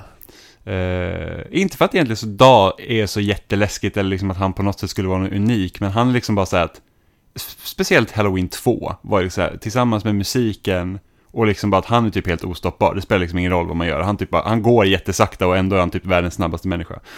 det är liksom superobehagligt, kommer jag ihåg att det var. Liksom att att han, han liksom förföljer på ett sätt som gör det liksom läskigt. Ja. Jag trodde nästan ett tag du skulle säga monstret i It Follows. Jag tänkte på monstret på It Follows, men så här att det är en rolig idé, men jag känner att den är inte lika så här framträdande. Det är ingenting jag tänker på, liksom jag tänker skräck, så går jag inte automatiskt till It Follows, även om jag tycker att idén är jättebra, att något som förföljer dig oavsett vart du än tar vägen. Ja, men precis. Alltså, jag tycker idén är mycket bättre i It Follows än själva utförandet. För jag hade lite svårt för vissa grejer med den. Men jag tycker idén är fruktansvärt obehaglig och eh, smart. Mm. Det, det roligaste är att första gången jag någonsin hörde om liksom en idé där du har liksom någon entitet som följer efter dig och, och dödar dig, det var i en annan podcast jag lyssnade på. Så de hade så här tankeexperiment, så vad är det om en snigel skulle jaga dig? Liksom, alltså, oavsett vart du tar dig, så den här snigeln kommer liksom följa efter dig och nuddar du snigeln, spelar ingen roll hur du nuddar den, så dör du. Ja. Liksom, skulle du kunna, skulle du kunna ta liksom, ha den vetskapen om att snigel är på jakt att mörda dig om du får typ x antal miljoner dollar. Ja men precis, en mördarsnigel. Eh, och du vet att oavsett vart du än tar dig så kommer snigeln liksom hitta ett sätt att komma liksom till dig. Alltså det, är ett, det är ett problem som går att lösa, särskilt om man har mycket pengar. Då kan man bara räkna ut hur fort den rör sig och så flyttar man med vissa intervaller. Liksom. Ja, fast tänk om den här snigeln är så skitsmart, att den lyckas liksom typ så här hitchhika någon bil, så den blir lite snabbare ett tag och, och det är liksom... En högintelligent Jajamän, alltså den här snigeln är inte att leka med, så att det är typ så här att... Nej. Så att den kan ju liksom dyka upp på de mest konstiga grejerna. Tänk om du liksom lyckas åka ut i rymden och sen så kommer den här astronautsnigeln liksom. Bara så här, nu har jag dig liksom. Vart ska du göra nu? Du kommer inte härifrån. ja. Det är ett skräckfyllt koncept. Ja, men verkligen. Ja, jag är inte riktigt okej med det här alltså. Mördarsnigeln. Ja, ja när jag avskydde sådana här svarta skogssniglar när jag var liten. Sådana här avlånga? Ja, men precis, sådana svarta. Mm. Ja, men de är ju snälla. Jo, men de är snälla, men de är vidriga och eh, tydligen har jag fått höra i efterhand av mina föräldrar att jag roade mig när jag var liten med att cykla över dem. Men gud! ja, vi, vet ju, vi vet ju vem som är lite på snigens lista i alla fall, den saken är säker. Ja, precis. Ja, de bruna är väl okej att döda för de ska inte vara här, men... Nej, men så jag tyckte att de var så himla äckliga bara. De ja. ser så vidriga ut och ja, alltså jag tycker fortfarande att de är vidriga. Så, men eh, när pappa berättade att jag brukar cykla över dem med min trehjuling. Resa med saker liksom. Ja, det är lite, lite taskigt. Mm, jag får nog sova med ett öga öppet. Svarta pannkakor ja. över hela bondgården. Det är, inte, det är inte så att de har en chans liksom. Nej, precis. Nej, det kan de ha. Nej, men jag har ju också en topp tre. Mm. Eh, och mina är liksom inte så skrämmande på det sättet, utan det är liksom ganska så jordnära karaktärer, skulle jag vilja säga själv. Eh, den första kommer vi att prata om lite mer sen, så jag ska inte gå in för mycket på honom. Och det är Father Paul Hill i Midnight Mass. Mm. Det är ju en präst som har väldigt många nyanser och eh, som för serien framåt på ett så otroligt intressant vis. Och även att han gör saker som i vissa fall kan verka liksom inte så korrekta. I och med att det liksom kan vara men, lite mer av egoistiska skäl. Mm. Det är otroligt svårt att eh, göra annat än att tycka om honom. Just för att eh, skådespelaren gör en så enorm rollprestation. Ja, det, det tar vi mer om sen va? Mm, men precis. Eh, sen min andra tänkte jag skulle bli Ofelia i Pans labyrint. Det är ju en ung flicka som har fått vara med om otroligt mycket hemskheter och eh, bearbeta det genom att ta sig in i en fantasivärld. Och eh, Guillermo del Toro är ju väldigt bra på att skapa den typen av värld och eh, jag är väldigt svag för både liksom estetiken och dramatiken i såväl Pans labyrint som eh, The Shape of Water till exempel. Mm. Eh, de är väldigt finstämda för att vara liksom mer skräckfilmer. Eller fantastikskräck. Ja, precis. Det gränslar väl flera genrer kanske. Ja, men precis. Och min sista på listan, där hade jag egentligen också kanske kunnat ta ett par i och med att Jimmy gjorde en liten fusk men, går inte men du kan inte skilja på... Nej, det går inte. Jag hade valt Scully. Ja, jo i och för sig. Om man är tvungen att välja så visst, men... Jag var faktiskt eh, lite sugen på att ta med Scully. Just för att hon har haft så viktig betydelse liksom eh, för kvinnliga karaktärer genom åren. Och eh, Gillian Anderson är ju en enormt talangfull skådespelerska och är så även idag. Alltså hennes ja, rollprestation i, i, Sex Education som jag såg henne sist i. Hon är ju briljant verkligen. Ja, nej, hon är alltid bra i allt. Eh, nej, jag, ja. jag identifierar mig med Scully mer än Mulder, för hon var ju skeptiken liksom.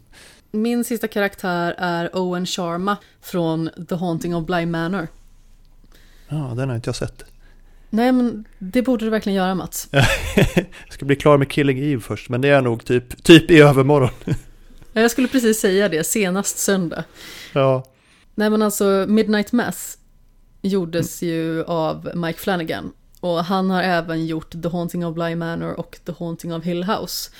Och när jag såg Midnight Mass kände jag bara, jag måste se om Bly Manor. För att eh, jag älskar verkligen Owen Sharma. Det är en underbar karaktär. Han är kock på den här stora herrgården, han är en otroligt varm karaktär. Han är putslustig och drar massa dåliga skämt. Han är upp över öronen förälskad i eh, hon som liksom har hand om huset och förvaltar det så att säga. Hannah Gross. Och det är väl egentligen det paret som eh, är ett av de vackraste paren som jag har liksom sett i seriesammanhang. Som i så fall jag skulle valt om det hade varit de två då. Men eh, han är verkligen en, eh, en toppen karaktär. Även han spelad av eh, Rahul Kohli som också är med i Midnight Mass och i eh, Zombie som vi pratade om tidigare lite grann. Men som sagt, vi har ju eh, varit inne och pillat lite på dagens djupdykningsämne. Mm. vi ska ju såklart prata om Midnight Mass.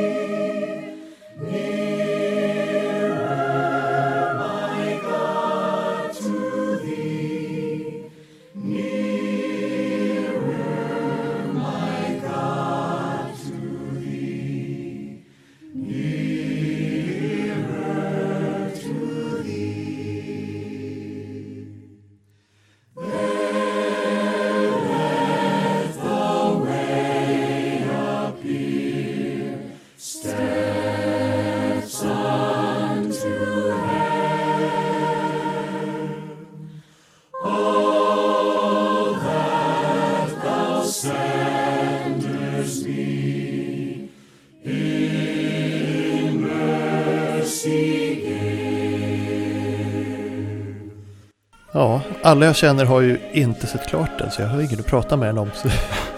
Jaha! Förrän, förrän nu. Ja. Hur kommer det sig då?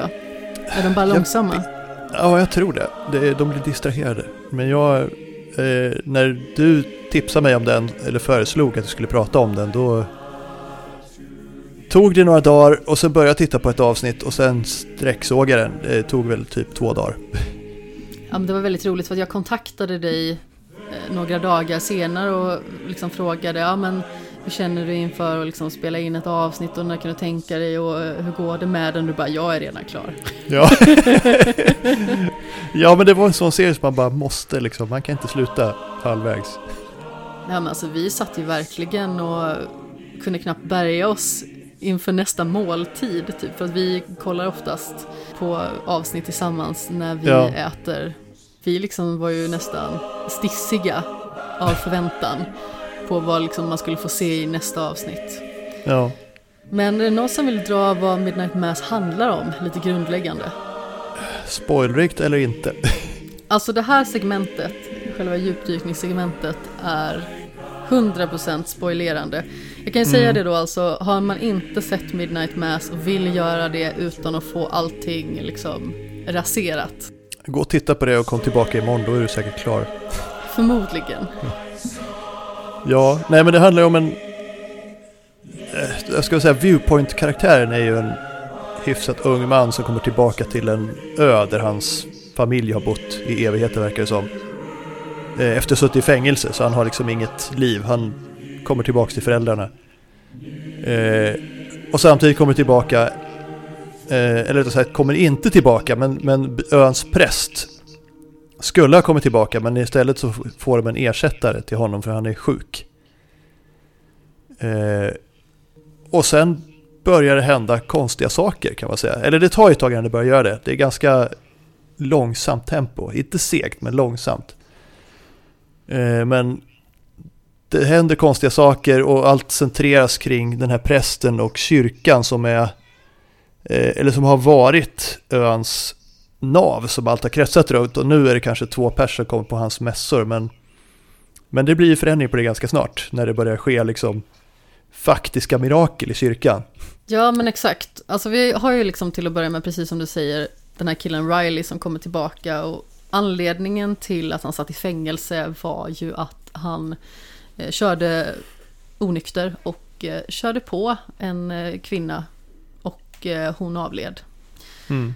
Um, och det är liksom, ska man kunna säga, hans demon genom serien liksom att han ser henne när han ska gå och lägga sig. Uh, han ser liksom hennes sargade ansikte framför sig och uh, glassplitter och uh, belysning liksom som flimrar förbi i glaset helt enkelt. Mm. Och jag trodde först liksom att det skulle vara någon form av återkommande spöke, men det visar ju sig liksom bara att det är ju hans... Ja, det är bara hans samvete. Det är, hon finns ju inte där. Egentligen. Nej, men exakt. Eh, så det är ju liksom någonting som sätter en ganska obehaglig stämning redan från början för att den är ju väldigt kuslig. Alltså mm. det är en mm. liten ö, det är ett litet samhälle med väldigt få människor egentligen som eh, huserar på den här ön. Ja, det är väl något hundratal, men det är något tiotal som är karaktärer så att säga. Ja, men precis, som är mest relevanta för berättelsen. Men det är liksom ett döende samhälle. Det ser liksom föråldrat ut. Även att det är någorlunda i nutid och man liksom har ny teknologi så är det ändå förlegat och nedgånget och folk börjar flytta därifrån. Mer och mer så dör liksom samhället ut. Ja, och det går två båtar om dagen till fastlandet liksom, som är ganska isolerade också. De kan inte ta sig någonstans direkt. Nej men precis, och med den här båten kommer ju, precis som du sa, inte bara Riley utan kommer ju också Paul Hill, precis som jag nämnde tidigare, den nya prästen. Och han ersätter ju Monsignor Pruitt, helt enkelt, som då är en gammal man i 80-årsåldern som eh, verkar ha kollat bort sig och blivit dålig helt enkelt. Mm. Eh, och som du också sa så börjar mirakel att ske via den här mannen. Framförallt så börjar liksom det religiösa intresset väckas till liv igen. Det börjar blomstra och folk börjar komma dit tillsammans och de litar på honom och han väcker liksom nytt liv i församlingen. Han är extremt karismatisk och varm och dessutom så finns det en ung flicka då som sitter i rullstol. Efter att de liksom har varit där några gånger så ska de återigen ta nattvarden. Och han ställer sig en bit ifrån henne och eh, väntar på att hon liksom ska då träda fram. Och hon börjar liksom rulla mot honom med rullstolen och han liksom backar upp för trappen. Han bara så du ska gå till mig. Fy fan vilken hemsk scen det är. Ja, den är verkligen fruktansvärd. Jag kände bara, vilken sadist. Ja. Vad håller han på med? Alltså han har tappat det totalt liksom. Här har inte bara en utan tre proppar gått samtidigt. Ja. Eh, men hon reser sig och börjar hasa sig framåt och hon börjar alltså bli återställd. Man ser ju det här som ett mirakel och inte minst då den här otroligt obehagliga karaktären Bev Keen. Som är liksom ja. en religiös fanatiker och eh, eh, använder liksom allting som att det skulle vara Guds vilja. och det är väldigt intressant hur man tar en sån här serie som då handlar om skräck och så sätter man det liksom i en religiös kontext där alla obehagliga saker och alla väldigt suspekta saker som händer där av Guds vilja. Eh, bara för att vad ja, man än gör det... så kan man vrida det till det. Ja, jag menar om vi ska börja spoila, eh, det kan vi väl göra kanske. Kör i vind. Det, alltså det som kommer fram typ halvvägs igenom serien, det är ju att han, när han var i det hela landet, eh, blev vampyr. Fast det har inte han fattat. Han tror att han har blivit välsignad av en ängel. Ja, det är den fulaste ängel jag har sett. Ja, men jag menar han, ja, han, han vill väl se det så liksom. Han, kan, han klarar ju inte av att fatta, eller han, han, måste ju se det så. Han, han är ju djupt religiös. Han, det är klart att det är Guds vilja. Det är klart att det är en ängel som har välsignat honom med, med ungdom igen. Ja men i synnerhet liksom, han har kollat bort sig i det hela landet, han har liksom kommit in i någon form av ruin och han blir attackerad av det här gigantiska vingbeklädda monstret. Mm. Han tror liksom att det är en ängel för att han föryngras ju och helt plötsligt går han från sitt typ 80-åriga jag till ungefär 40 år. Ja. Alla verkar gå till, alla som råkar ut för det verkar ju gå till den ålder de trivdes bäst eller något. Ja, men sen också, han fick ju väldigt mycket blod av ja. den här vampyren till exempel. Och sen de andra får ju liksom i små doser, för att det är ju så det går till sedan. Det är därför de här så kallade miraklen händer. Eh, det är ju helt sonika så att han tar med sig det här odjuret tillbaka till ön. Och eh, han börjar bjuda på blod som en del av nattvarden. Han liksom blandar upp det då med vin i och med att det är liksom helande och föryngrande så börjar ju liksom folk reparera sig och de börjar även föryngras. Mm. Riley som vi nämnde tidigare, hans mamma börjar helt plötsligt se mycket bättre igen. Hans pappa ja, hans har inte längre nu. ont i ryggen. Och prästens för detta, eller gamla flamma, henne hälsar ju på särskilt för i nattvarden, för hon är ju sängliggande, hon är ju typ döende i, i eh, Alzheimers eller något. Och henne ger han ju lite extra, för så hon blir ju mycket yngre. Ja, men exakt. Och det är ju så att han kommer ju till ja, doktorns hus är det ju framförallt för att det är ju mm. där som eh, hon håller sin mamma och kan ta hand om henne dagligen då. Öns doktor är liksom en medelålders kvinna som är eh, liksom väldigt intelligent och eh, framförallt liksom väldigt teoretiskt lagd. Så även när hon liksom blir inkluderad i vad det är som händer, för att det är en kvinna till exempel, eh, spelad av eh, Kate Siegel, som eh, burit på ett barn. Och helt plötsligt så är barnet försvunnet. Ja, det är som att aldrig har existerat. Ja. ja, men precis. Eh, och det är ju liksom en enorm tragedi och hon försöker liksom studera vad som har hänt. Och det visar ju sig liksom att när hon ställer ut blodprovet i solsken, eh, för att det liksom silas igenom fönstret då, då börjar blodet koka. Mm. Och det är här man börjar liksom ana att det är något väldigt lurt på gång naturligtvis. Eh, och just med mamman där, jag tyckte liksom mig märka att det är någonting speciellt här. Som sagt, det är en väldigt gammal dam. Eh, Jimmy noterade ju liksom att hon var en ung skådis, det tänkte inte jag alls på. Ja, det, det var liksom, för jag trodde Nej, det skulle jag... liksom hamna någon så här tidsparadox på ön, liksom att, att, att tiden dras tillbaka och det är därför alla blir yngre. För jag var så här, att det där ja, är inte en gammal person. Jag trodde också att det var något sånt i början. Ja. Nej, men man såg att det var något konstigt, att det inte var, eh, ja, att det var något udda med henne. Jag såg inte exakt mm. att det var så här gumsmink, men det var det ju uppenbarligen. Ja, nej men precis. Hon är, jag tror, lika gammal som jag ja. egentligen. Eh, och ska spela liksom typ 80 år gammal. Så det var ju ja. lite bisarrt. Men eh, jag tyckte att det var någonting speciellt mellan dem när han kom och hälsade på. För att eh, Paul då, som eh, pastorn heter, kommer till läkarens hus och säger att jag, jag har förstått att din mamma liksom har varit en väldigt religiös kvinna. Och eh, jag vill liksom se till att eh, hon ska kunna få ta del av det här också. Precis som hon gjorde förut. Och att det liksom var då John Pruitts vilja. Att hon skulle få ta del av det. Eh, för att han tydligen skulle ha betytt mycket för henne. Mm. När han liksom kommer in där första gången och han ser på henne på ett väldigt kärleksfullt sätt och man nästan ser hur det liksom är blankt i ögonen och man anar att det är något lurt på gång. Man kan liksom inte sätta fingret på vad det är. Utan man tänker liksom att det kanske är bara hans naturliga värme, att han liksom vill ta hand om den här gamla kvinnan liksom. Det är mycket sånt, det är mycket blickar, mycket outtalade saker och det är riktigt bra skådisar som lyckas få fram allt det här. Jag tror att det första jag tänkte på var att de kanske är syskon, alltså båda ja. är svarthåriga liksom. Eh, och jag tänkte att de kanske är syskon på något vis. Hon kanske är hans mamma också. Bara det att det är något som har hänt i det förflutna som man inte vet om.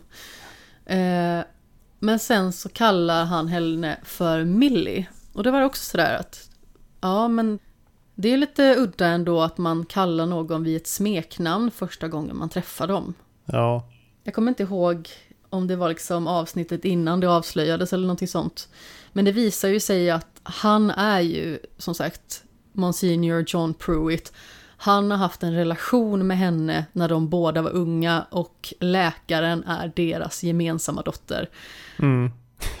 Min extrema nöjdhet när jag liksom eh, fick det här serverat för mig sen då, liksom att det var sant. Du hade listat ut det innan? Ja, men jag, jag kände mig så himla smart. men, ja. eh, när jag kollade lite på serien i efterhand, för jag tänkte att nu har vi inte sett det på någon månad eller så, jag vill bara friska upp minnet lite grann inför avsnittet. Det finns så himla många sådana här små detaljer, saker som de säger, som verkligen vittnar om att ja, men, han är hennes pappa. Ja, allt, alltså allting finns ju egentligen där. Det är ju bara det att man ser det ju inte, för man vet ju inte vad som döljer sig bakom. Men det tar ju halva säsongen innan man ens får veta vad som har hänt med honom. Och, och ja, även då precis. så nämns ju aldrig ordet vampyr i hela serien. Nej, och jag tycker att det är ett väldigt smart drag för att i och med att det liksom är en väldigt religiös grupp som allting cirkulerar kring mm. så har de liksom den här väldigt djupa tron liksom att de har blivit välsignade på den här ön. Ja, ja, det är väldigt få som inte tror på det. Det är väl typ sheriffen som är muslim. Ja, men exakt. Och Där har vi ju Rahul Kohli igen som gör en otrolig rollprestation. Jaha, är det han? Ja, han är skitbra. Men alla är skitbra det här. Det är ingen som är dålig liksom. Nej, nej, absolut inte. Alltså alla är verkligen kanon och eh, jag måste säga att jag älskar den här serien. Vi, vi, ska ju gå in lite mer på vad vi kanske tycker om serien senare när vi har så här dissekerat vad det är som sker och sånt. Men mm. eh, jag tycker att han har liksom skapat en rollkaraktär då tillsammans med Mike Flanagan som känns så himla genuin. Ja, men han är inte stereotyp, han är en riktig människa och det, det, alla är det i den här serien egentligen. Är, ingen har bara en dimension.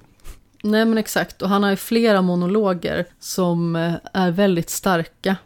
Mm. Eh, både när han liksom pratar om sin tro i sig och eh, vad andras tro betyder för honom och liksom hans relation till sin fru och sin son då till exempel, sin fru som då har gått bort dessutom. Allting känns liksom så naket och vackert men sorgligt på något vis i den här serien. Mm. Det är väl egentligen nästan, skulle kunna vara en beskrivning av hela serien, vacker och sorglig. Inget går ju bra, någonsin. Nej, alltså ingenting är kul och inget går bra för någon. Nej, men det är väldigt vackert. Alltså just sättet som de har spelat in det. Eh, jag såg bilder på eh, sättet de hade byggt. Det är ingen ö, det är, det är ju en park i Kanada.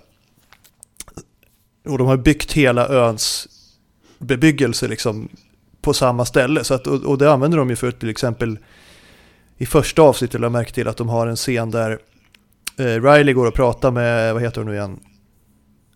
Ah, ah, hans gamla flamma. Ny gamla flamma ja, ny gamla flamma, nästan. Ja. De, de pratar liksom och de går genom hela byn och det är liksom tio Erin minuter. Ja, just det, Erin. Och det är tio minuter lång scen och det är inga klipp. Och, och liksom, det är en levande by, det går folk på gatorna och det, ja, det är så jäkla styggt gjort. Det, det, bidrar verkligen till att det känns som ett riktigt ställe med riktiga människor. Ja, men det känns också som att alla har en relation till varandra också. Alltså, även den här sheriffen som inte har varit där så himla länge. Mm. Han tar liksom hand om den lokala alkoholisten Trots att han liksom inom citationstecken då stör samhället. Ja, eh, det och han finns har också värme en, där. En tragisk bakgrundshistoria, en redemption arc som såklart inte går så bra. Nej men precis, och det, det finns ju liksom så himla många sådana aspekter i hela serien. Eh, ja. Jag tror att den enda karaktären som man inte har någon sympati för, det är Beverly Keane som sagt, spelad av eh, Samantha Sloyn. Mm. Men hon är också fantastisk på sitt sätt, för hon, henne avskyr man ju från första sekunden egentligen. Ja, absolut. Men hon alltså, är hennes rollprestation är magisk verkligen. Ja. Hon är så otroligt obehaglig och precis som jag sa tidigare, just det här med att hon vrider och vänder på allting.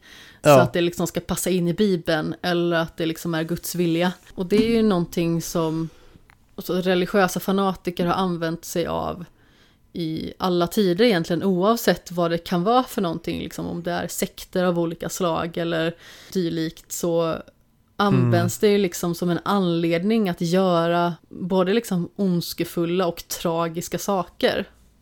Men det känns som att det finns en, en parallell här, att hon står liksom för den organiserade kyrkan som liksom gör hemska saker i religionens namn. Och, och Monsignor Pruitt står liksom för den oförfalskade religionen. Han, han tror och han försöker göra gott på grund av det. De är liksom raka motsatser egentligen, fast de båda säger sig stå för samma sak. Ja, men precis. Men han har ju liksom också ett sätt att se på det. Han vill ju att alla de här personerna som betyder så mycket för honom ska få ett bra liv. Att de ska helas, att de ska må väl. Ja, han, han gör ju det hela av godhet och det är det som är så hemskt. Ja, men precis. Och när det liksom väl spårar ur i serien och eh, nästan alla blir vampyrer. Mm.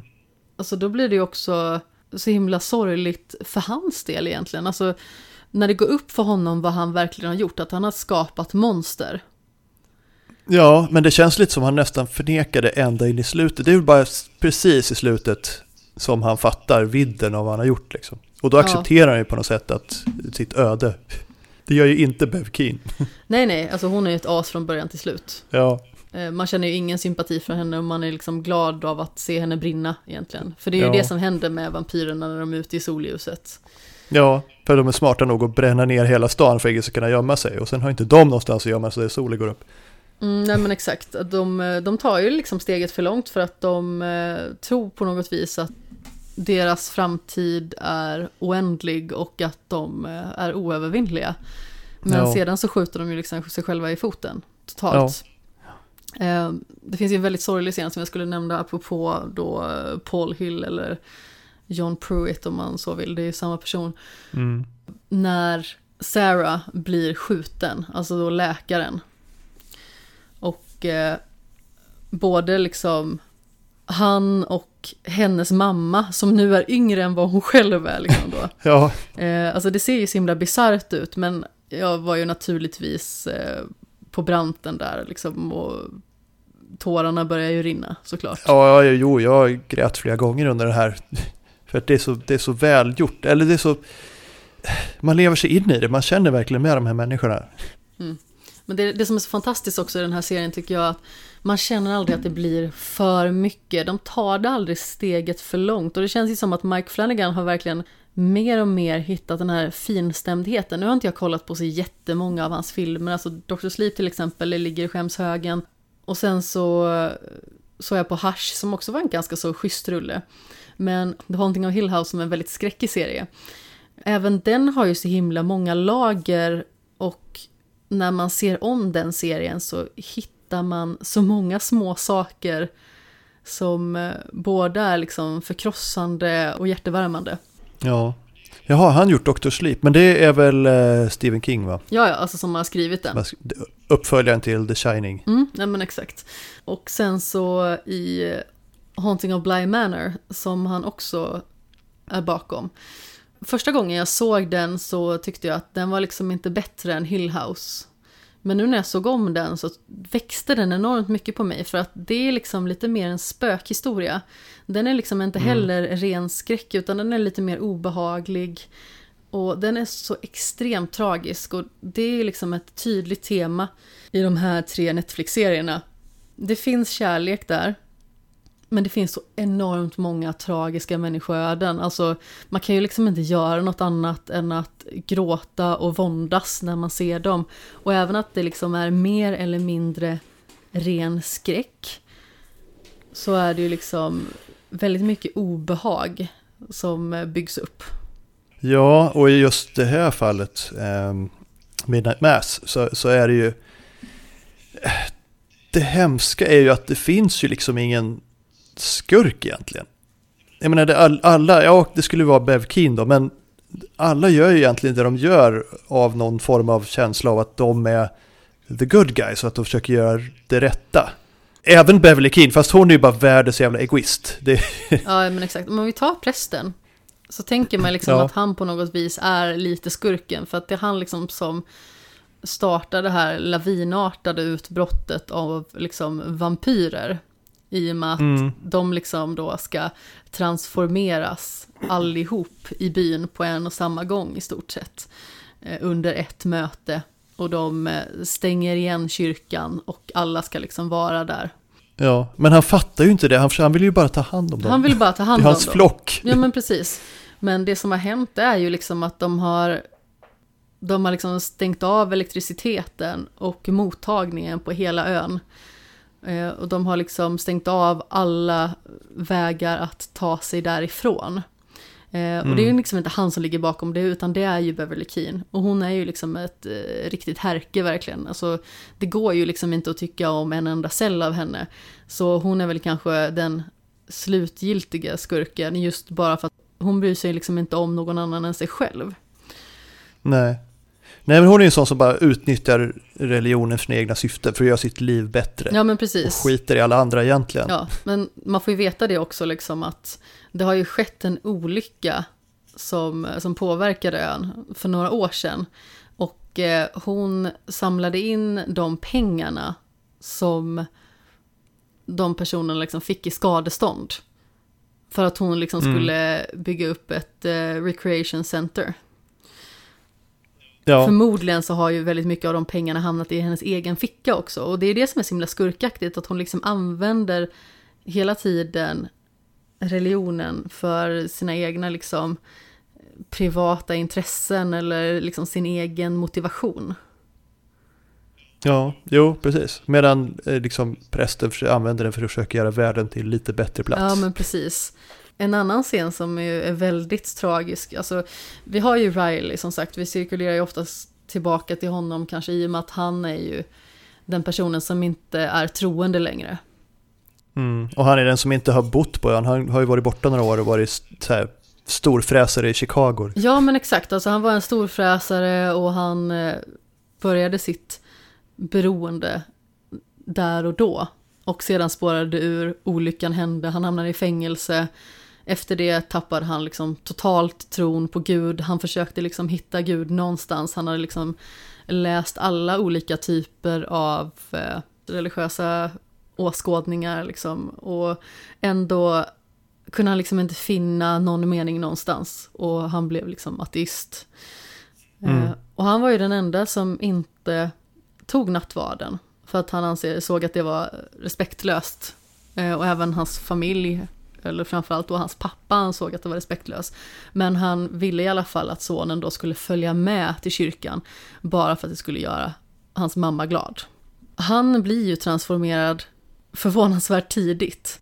Ja, det är väl avsnitt tre eller något. Det är så himla brutalt. Ännu tidigare. Ja, det är, det är inte, han vill ju inte. Jag vet inte, bryter han nacken av honom eller någonting sånt? Ja, men det är typ en av de mest obehagliga ja. scenerna tycker jag i hela serien. Det är liksom när han, han ser ju att han, eh, Pruitt är liksom vaken. Eh, och mm. det är mm. liksom tänt i kyrkan. Så, ja, han ska ju gå och hälsa på, eh, vad heter, men varför glömmer hennes namn? Erin. Erin, ja. Eh, för de har ju hittat tillbaka till varandra på något sätt och de ska ju, han ska ju gå och hälsa på henne på kvällen. Och så går jag förbi kyrkan och ser att det lyser och går in där istället. Och då står den här vampyren då, den här liksom i en lång svarta rocken tror jag han stod i. Liksom. Och han märker liksom att ja. man dricker blod eller vad det är. Och han liksom undrar vad det är. Och sen bara den här varelsen bara vänder sig om och bara flyger rätt in mot kameran. Alltså, det var sjukt obehagligt. Ja. ja. Och alltså, den uppoffringen han gör är ju verkligen fruktansvärd. För han förstår ju att det han behöver göra för att överleva Alltså likt som vi pratade tidigare om i iZombie att om inte zombisarna får någon hjärna så blir de liksom också typ hjärndöda i stort sett och då finns det ingen väg tillbaka. Eh, och samma mm. sak här att får inte de dricka mänskligt blod då är de liksom förlorade, då tappar de kontrollen totalt. Och då i alla fall så för att han liksom inte ska åsamka någon skada så tar han med Erin ut i en båt, han berättar för henne exakt vad som hänt. Och sedan så begår han självmord genom att vänta på soluppgången. Och det var verkligen också en sån här brutal scen, alltså även att det liksom är ganska så simplistiska medel och den är väldigt finstämd och lågmäld, men wow. När man förstod ja, vad det var som skulle hända den var väldigt, alltså in i det sista var man inte, eller jo, men stora delar av den scenen var man inte riktigt säker på om han liksom skulle falla för frestelsen och liksom hoppa på henne och dricka hennes blod eller vad han tänkte göra liksom. För det var ju väldigt obehaglig stämning mellan dem ett tag där. Ja men verkligen. Sen när han började berätta så fattar man ju men ja, nej, det, det var extremt stark scen. Och det var väl egentligen där man framförallt kände att nu börjar de värsta tragedierna. Ja, det var då man insåg att inget av det här kommer gå bra. Nej men exakt, alltså. Man tyckte liksom, liksom här har vi liksom, här är vi hjälten och nu är han dö, tog livet av sig efter fyra avsnitt liksom. Ja men exakt, alltså när man tänker på att han har hittat tillbaka till sin typ ungdomskärlek i stort sett och de har något fint på gång och visst hon har det liksom mm. tufft för att hon håller på att återhämta sig från att hon har förlorat liksom ett eh, barn halvvägs igenom graviditeten egentligen och de på fastlandet tror att hon är liksom mentalt sjuk i stort sett. Ja. Eh, och de vill liksom eh, skicka henne på olika typer av undersökningar och sånt. Och han liksom finns där för henne och han förstår henne och tar hand om henne. Och de liksom kommer närmare varandra igen och det blir aldrig liksom heller sådär överdrivet man märker liksom att det här är två karaktärer som bryr sig om varandra så himla mycket. Ja, och det, det, men det är så välskrivet, för hade det varit klassisk Hollywood-stuk på det här, då hade ju de liksom, då hade de suttit där på hennes balkong och berättat för varandra om sin tragedi, så när de börjat hångla så hade de legat det gör de ju inte här. De umgås liksom, de, de känner lite på varandra, de blir vänner igen och ja, som du säger, det märks att de bryr sig om varandra. Eh, och sen dör han innan det blir något. det är liksom så oerhört mycket mer tragiskt på det sättet. Och det känns mycket verkligare också. Ja, och just i det att han har liksom någonting fint på gång. Han har någonting väldigt fint i sitt liv igen. Mm, han har ju förlorat hela sitt liv. Ja men precis, men för alla andras skull. För att han ja. vill liksom inte försätta folk i den situationen han själv är i med att bli vampyr och törsta efter andra människors blod. Just därför offrar han sig själv. Och det är så himla starkt verkligen. Ja, det är Och sen var det ju helt meningslöst också egentligen. Ja, jo, absolut. Men inte för honom liksom, men, men i storyn. Ja, men precis. Att det spårar ju ur väldigt i eh, sista avsnittet. Men det som är så himla snyggt i serien, det är ju att den är väldigt lågmäld, finstämd, vacker och den bygger sakteliga upp. Det är liksom mm. inte det som att de här tvistarna som kommer då och då, det är inte det att de är explosiva eller att det händer massa galenskap under vägen, utan den tuggar sig sakteliga uppåt och i det här sjunde avsnittet så är det verkligen ett sånt enormt crescendo. Ja, men som serien samtidigt har förtjänat genom att, att, ta sig tid och bygga upp de här karaktärerna och låta oss lära känna dem. Tycker jag. Ja, men verkligen. Jag uppskattar också att man får följa så himla många olika typer av karaktärer. Mm. Även ja, att det liksom är ett litet har... samhälle mitt ute ja. i ingenstans. Men att alla har ett, ett djup och ett liv och en historia liksom. Även liksom små bikaraktärer som, som Alkisen. De har ju någonting att komma med. Man, man känner liksom att ja, men den här, jag känner ju sådana här människor liksom.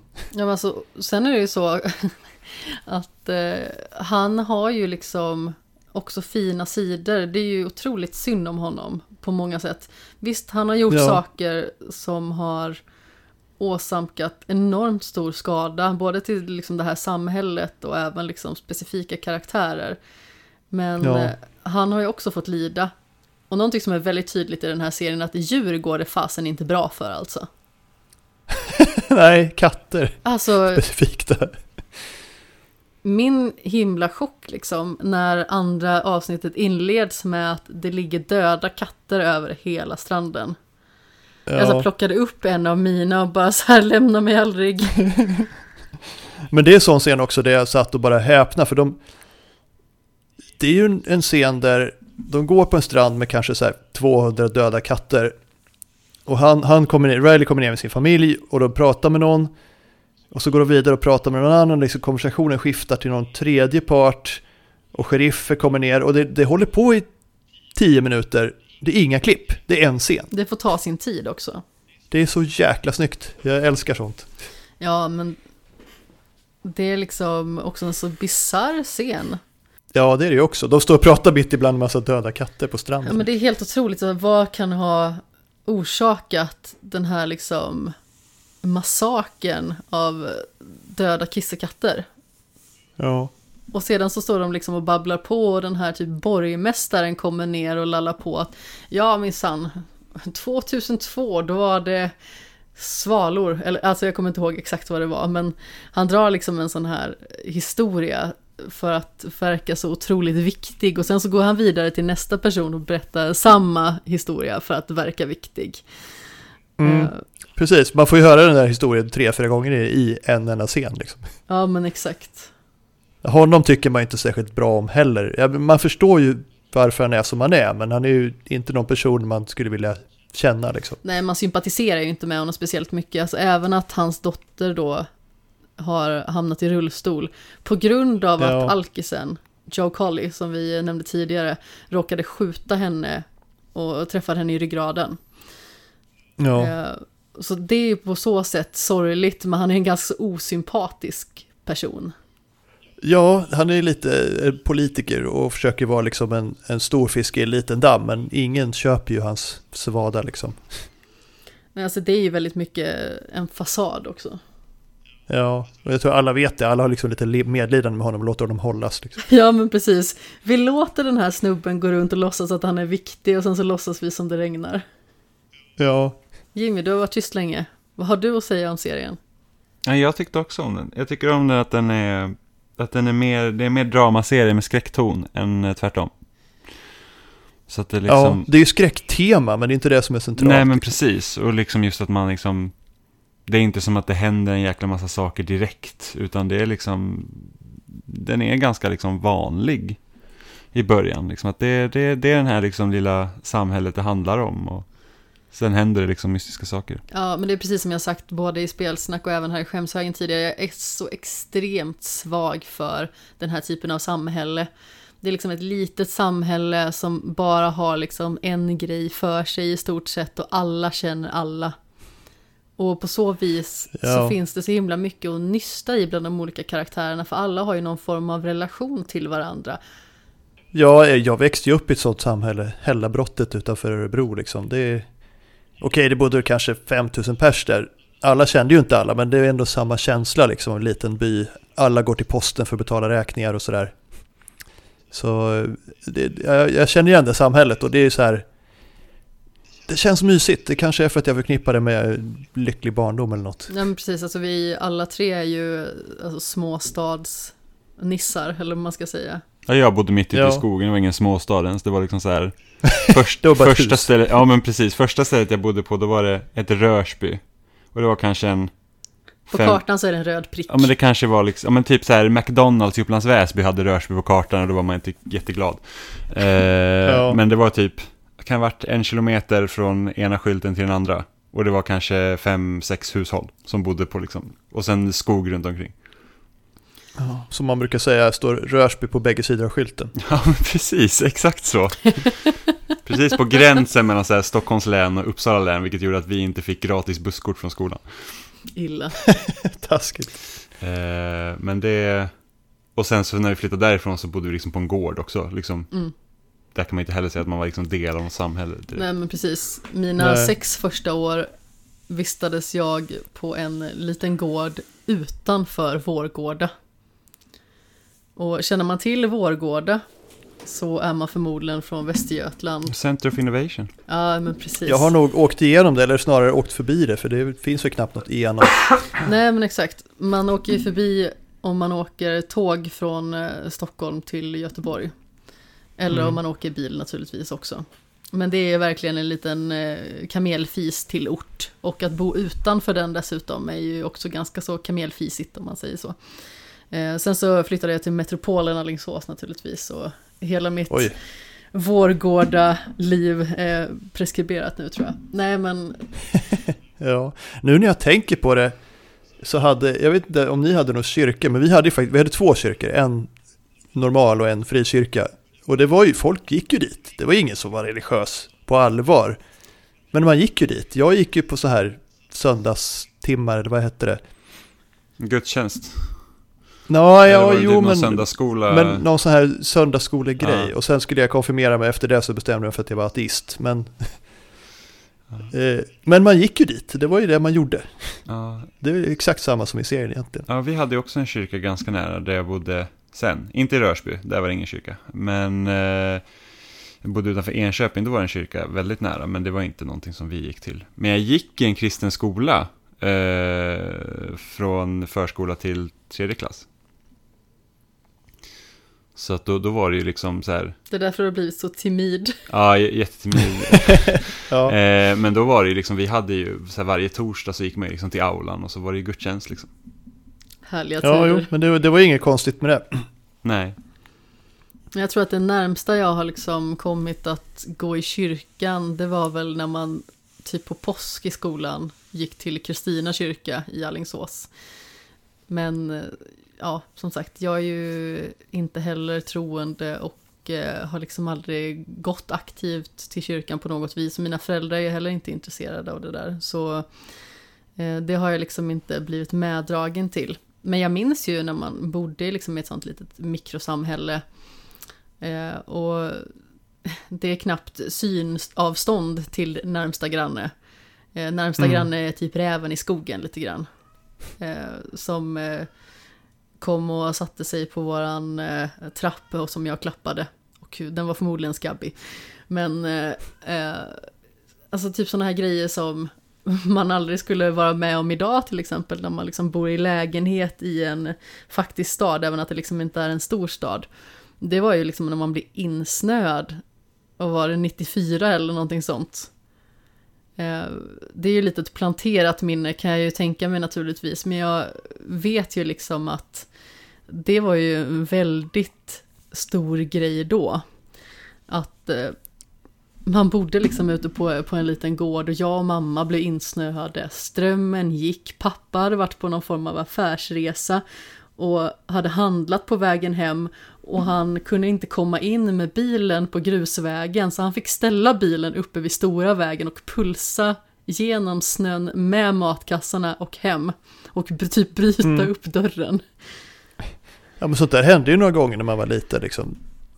Ja ja. Det känns som att ett man helt annat liv. Kanske fick klättra ut genom fönstret för att skotta framför dörren liksom. Ja, alltså jag tror vi hade typ, det var typ nyårsafton 98 eller 99. Då, då var vi utan ström i typ 10 dagar. Mm. Det är jättelänge. Ja, det är jättelänge. Ja, det händer ju liksom inte när man bor i Stockholm kanske. Nej, men precis. Jag kommer ihåg eh, typ i februari någonstans där, 2010 så snöade det också så infernaliskt mycket. Eh, och då var jag i Mariestad en eh, sväng. Och då bodde jag liksom ändå eh, just den helgen i en lägenhet. Men i och med att den liksom hade dörr ut mot gården, då hade det också stigit snö ovanför dörrens nivå. Det var verkligen också helt mm. Eh, och det var ju ingen som en lördag ställde sig och skottade den lilla innergården, så då fick man ställa sig med en hink och försöka skotta sig ut. ja. Men åter till Midnight Mass, som sagt, eh, litet samhälle, jag kan tänka mig att det skulle bli dåligt väder där så skulle de flesta bli insnöade också. Um. Ja, jo, det, de är isolerade, det är ju är det dåligt väder så går ju inte färjan liksom. Precis. Det som egentligen händer, om vi säger i slutet av den här serien, är också rätt bisarrt. Mm. Solen går upp, Nästan alla har blivit transformerade till vampyrer utom typ tre personer. Ja, det är väl två som klarar sig. Ja, men precis. Eh, vi har ju då borgmästarens dotter. Mm. Och sedan så har vi Rileys lillebror och de är ju tillsammans. Mm. Har en liten romans. Och de i alla fall lyckas ju ta sig ifrån ön på en liten jolle i stort sett. Och de sitter och bevittnar när hela den här ön typ brinner ner till grunden i stort sett. Och sen så har vi ju då alltså sheriffen eh, Hassan som eh, har blivit skjuten och eh, dör av sina skador. Ja, just det. Just hans son, blev hans son vampyr? Ja, det blev han. Ja, det blev han var en av de första som rök i kyrkan där. När de...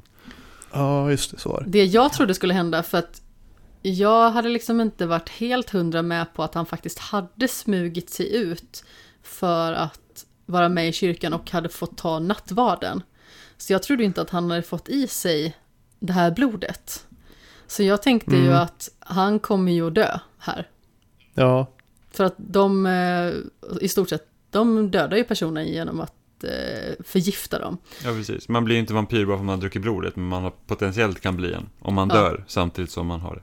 Ja, men precis. Som man har i sig, ja. Har man liksom eh, intagit det här blodet och eh, dessutom dör, då återuppstår man som vampyr i stort sett. Mm. Men det är också en sån bra grej den här serien gör. Det är liksom just det här med att man, man, man spelar verkligen hårt. Man tar den här myten om vampyren och sen så liksom stöper man om det i den här liksom egentligen kristendomen. Liksom det här återuppståndelsen blir ju liksom en så himla stor grej. ja, men de, de gör ju, eh, alltså de tar ju egentligen, eh, vampyrerna är ju klassiska vampyrer enligt, enligt, helt enligt regelboken mm. liksom. Men sen, sen ställer de ju frågan egentligen, vad skulle hända om eh, någon blev vampyr som var så här djupt troende katolik och dessutom en god människa liksom. Mm. Och hur skulle det kunna gå åt helvete? Ja, precis. För liksom ingen annan. Ja, men precis. Vad händer om det finns människor som vill utöva sina alltså, religiösa motiv utifrån det här. Mm. Ja. Men så, vad ska man tro? Det liksom, här är en varelse som har vingar liksom.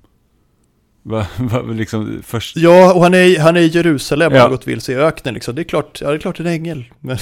När man ser den här äckliga vampyren, och han är liksom verkligen inte en trevlig syn på något vis. Nej. Jag förstår liksom inte hur man bara säger åh, den här fagra ängeln som har kommit och räddat mig. Fast jag vet inte, står det någonstans i Bibeln att änglarna ska vara vackra? Nej men det är ofta så de porträtteras. Jo, jo det gör de ju. Men han är ju djupt troende så han kanske inte liksom eh, dömer dem på så, så grunda eh, bas, eh, vad heter det? ja, men han, han, kanske är lite mer vidsynt än så, tänker att ja, men en ängel kan vara ful. inte deras fel. Ja, väldigt, väldigt så här finkänsligt av prästen. Ja, men och precis. Du ser lite risig ut, men du ska ju vara gammal som helst, så det är inte konstigt. Även fulingar kan vara änglar. Ja, ja men precis. Ja.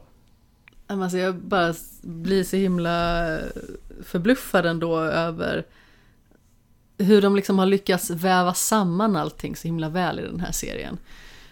För, för mm. att det känns ju liksom som att den håller från början till slut någonstans. Ja, det, alltså det, det tar tid liksom. Det, det är ett långsamt tempo men det är ju aldrig en sekund där man är uttråkad tycker jag. Ja men verkligen inte, alltså varenda dialog är ju också intressant och den har ett djup och den har en mening. Ja. Och man känner ju att om någon suspekt person eh, någonsin skulle försöka bjuda en på nattvarden så skulle man säga jag vill inte ha något vin men jag tar gärna ett kex. det går väl att ha saker i kexen också. Det är i och för sig sant. Ja, jag har faktiskt gjort det där någon gång när jag var liten. Det var lite spännande med vinet men oblaten det var ju bara papper liksom. Det var ju så här som de här godistefaten fast utan, utan godis. Ja, det är bara ett torrt straff. Ja. Vad säger vi, har ni något mer att tillägga om det här? Är det någon speciell karaktär som vi tycker extra mycket om eller någon speciell scen som vi vill belysa lite extra? Nej, alltså det är svårt att hitta någon karaktär som egentligen sticker ut för alla är så pass bra och så pass eh, rundade liksom. De, de har så mycket, de är så tredimensionella på något sätt. De är väldigt genomarbetade. Det känns som man, som man har varit i den här byn när man har sett serien. Liksom. Mm. Men jag tycker verkligen de har lyckats med otroligt bra med prästen. Alltså, för att han måste liksom kunna, ja. alltså den skådespelaren måste liksom helt kunna liksom först sälja liksom sina, eh, vad ska man säga, gudstjänster liksom. Man måste kunna liksom prata med ett sånt pass tryck i rösten att, att man liksom tror på det. Samtidigt måste han ändå kunna låta så vänlig att det liksom, även om man vet att det han gör är fel, så måste man ändå kunna på något sätt stå på hans sida också. Eh, mm. Och det tycker jag att han lyckas så himla bra med, att han liksom har den här så himla vänliga framtoningen och ändå lyckas liksom vara kraftfull på samma sätt. Precis som jag nämnde tidigare liksom, så är det en av mina favoritkaraktärer i liksom, skräcksammanhang. Just för att han har så himla många olika nyanser. Och eh, Hamish Linkletter som eh, spelar ja. karaktären eh, gör ju så otroligt bra jobb verkligen med att förmedla varenda liksom, känsla och sätta tonen i varenda scen som han är del av. Ja, ja men han, man köper verkligen att han, ja, han, han tror på det han gör på något sätt. Och samtidigt så vet han ju liksom, eller även när han märker att det är lite tveksamheter så liksom, han tror ju ändå på det han gör och att, att Gud kommer att ställa allt till rätta. Om han bara gör som han tror att Gud vill liksom. Ja, om man spelar sina kort rätt. Det känns ju som att han är en person som verkligen känner in rummet. Vem han än pratar med så har han liksom ett sätt som är väldigt förtroendeingivande på något vis. Alltså jag tänker ju även mig själv som är väldigt skeptisk och som liksom inte tror på någonting direkt. Eh, även mm. jag skulle ju förmodligen kunna bli lurad av honom bara för att han är så otroligt liksom vänlig och välvillig i sitt uttryck. Ja, eller, eller lurad och lurad, men han, han är ju genuint välvillig liksom. Ja, det är, det, det är bara att han inte riktigt begriper vad som pågår. Nej men precis, eh, han är ju väldigt godtrogen på det viset att han, han tror ju att eh, den här vampyren har eh, kommit med en... Eh... Ja, att, att den är, det är en välsignelse från Gud, Exakt. fast det väl inte riktigt är så. Ja men precis. Eh, det är ju snarare en förbannelse än en välsignelse i slutändan. Ja. Nej, jag gillar också verkligen hur de, eh, liksom de matar oss med information långsamt. Liksom. Man fattar att något är fel rätt tidigt. Men man fattar inte vad som är fel för ganska långt in, även om man liksom får bit för bit ledtrådar på något sätt. Precis som de andra serierna som eh, jag pratade om innan som eh, Mike Flanagan är bakom, så eh, det finns liksom sådana här små detaljer och ledtrådar hela vägen och om man ser om det mm. så märker man liksom att det ligger liksom och lurar där i detaljerna hela tiden.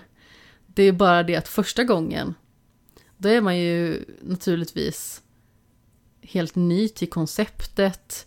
Man är liksom helt inne i vad det är för sorts upplevelse. Man har aldrig bekantat sig med karaktärerna tidigare. Man har liksom inte den fullskaliga bilden. Men när man kollar en gång till så märker man verkligen att de har ansträngt sig så himla hårt med varenda ja. liten aspekt i serierna. Ja, nej jag är inget stort fan av att titta om på grejer men ja, jag kan tänka mig det. Men sen är i och för sig en grej som står ut också är de här mässorna som han håller. När han står och liksom predikar. Hur, jag menar hur, hur han går fram, hur han liksom, han, vad ska man säga, han, han är så pass bra på att tala till församlingen. Liksom. Och det, det har jag ju faktiskt sett på riktigt också när jag har gått i diverse kyrkor. Med väldigt långa mellanrum kan jag säga. Men någon gång har man hamnat i en kyrka på något bröllop eller någonting. Eh, och präster är oftast väldigt bra på det. De, de är sådär. De kan liksom prata och kan hålla ett hel sal hänförda i en halvtimme liksom. Många är väldigt starka retoriker liksom. Ja, det är väl det jag är ute efter. Och det, det är ju han också i den här rollen. Men det är det som är så intressant också, för att vi vet ju liksom inte som tittare att han har ju varit prälle i liksom typ 60 år. Nej. Nej, vi tror att han är ganska ny. Ja, men exakt. Och han verkar ju lite nervös i början. Det kanske är för att han har en hemlighet, liksom. men, men i början verkar han lite osäker också. Ja, men det är just det här som att hur mycket vågar han liksom visa sig av sitt rätta jag? Ja, men precis. Och mm. kommer de se igenom det här? ser de att det är jag. Och eh, Bev Keen ser ju det hyfsat tidigt för att hon ser liksom en bild inne i hans hus. Ja, han gör inga jättestora försök att dölja vem han är. Han har ju ett tidningsklipp uppsatt på väggen med bild på sig själv som ung liksom. ja, och den enda som liksom egentligen kände igen honom då hade ju Alzheimers. Ja, men precis. Ja. Och där är också en sån detalj som är så himla fin när man ser serien en andra gång. För att när han kommer in till Millie så säger hon John. Och man bara, hon är helt ute och cyklar. Vad gör hon? Ja, det, ja, ja, ja. Ja, det tänkte inte jag på då, men det är klart hon gjorde. Ja, men exakt. Och, men han har liksom ett väldigt varmt sätt att se på henne, hur han hanterar henne också. Eh, ja. Och jag kommer inte ihåg, det är no något meningsutbyte som eh, verkligen hintar om att de liksom har en väldigt stark relation sen tidigare. Och sen på den här det är typ som ett litet knytkalas. Mm. Eh, där också hunden väldigt tragiskt avlider då, eh, Joe Collis hund. Ja, just det. Eh, det var sorgligt. Det var fruktansvärt sorgligt, väldigt hjärtskärande. Men då i alla fall så är ju den här doktorn där med sin kvinnliga dejt. Och de sitter och pratar lite granna. Och så kollar hon bort mot prästen. Och så sa hon någonting i stil med att han kollar på mig på ett väldigt märkligt vis. Ja. Och det gör han ju, fast inte på det sätt, inte av den anledningen som hon tror. Nej men precis, hon tror ju att han tittar på henne så bara för att hon är homosexuell. Ja. Eh, och hon påtalar också, det här tänkte inte jag så himla mycket på i första genomtittningen, för att jag antar att jag kanske fokuserade på någonting annat just då. Men hon säger att Monsignor Pruitt kollade på henne likadant när hon var ung. Ja. Eh, ja, det, ja, just det. det och då eh, säger de liksom så lite skämtsamt bara att ja, men det är som att de visste liksom. Eh, ja. Men det som faktiskt är, det är ju liksom att hon är hans dotter. Det är därför han kollar på henne på det sättet han gör liksom. Ja. Ja, det är mycket sådana där grejer. Alltså det kanske är en serie som man borde se om Ja, men faktiskt. Jag har knappt tid, tid att se allt som jag vill se. Ja, men det är hårt liv ibland när man försöker liksom eh, hinna med alla saker som ligger i skämshögen. Och det är ju därför vi oftast återkommer till, eh, till vissa saker i den här podden. Ja. Jag tänker att vi ska börja runda av för dagen helt enkelt. Jag tror att vi har täckt så mycket som det bara går av Midnight Mass. Jag skulle kunna prata i eh, flera timmar till om den och vill bara belysa igen hur magiskt bra den är. Och om man nu liksom fortfarande lyssnar och inte har sett den. Visst, vi har liksom gaggat på ganska så länge och berättat exakt vad som händer, men se den ändå. Det är så otroligt ja. värt det. Alltså, enda anledningen att inte se den här serien är väl om man enbart gillar action. Det är det ju inte mycket av. Men då är man en farlig människa som man ska akta sig för. Ja, då har man ett problem. Men Mats, ja? Eh, det har varit eh, fantastiskt kul att ha det här, eh, som det alltid är. Det har som vanligt varit fantastiskt kul att vara här. Vad fint att höra. Vart hittar man dig till vardags? Eh, man kan nog ta och lyssna på podden Nördigt. Eh, det är nog mest där jag finns nu för tiden. Och Jimmy, vart hittar man dig för någonstans? Jag poddar i en annan podcast som heter Spelsnack. Tillsammans med mig. Precis, och jag skriver om spel på loading.se. Exakt. Jag skriver också om spel på loading.se så vill man läsa recensioner om eh, mer aktuella grejer så kan man ta en kik där. Och även jag pratar om spel i spelsnack. Det kan ju bli lite gamla spel där också, precis som eh, det även blir här, men eh, generellt sett så är det ju mer moderna saker som vi pratar om. Och sen så naturligtvis kan man finna mig på sociala medier i form av snabela kapten Sten, Sten med två E.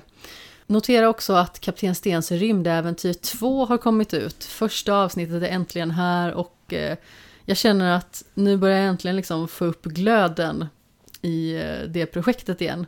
Precis som jag sa tidigare så har det ju varit en period som har haft lite torka på avsnittsfronten. Och det är liksom för att jag har känt personligen att jag har velat kanske stuva om lite. Eh, skämshögen handlar ju väldigt mycket om att ta tag i olika typer av populärkulturella verk som man inte har tagit tag i tidigare av en eller annan anledningen.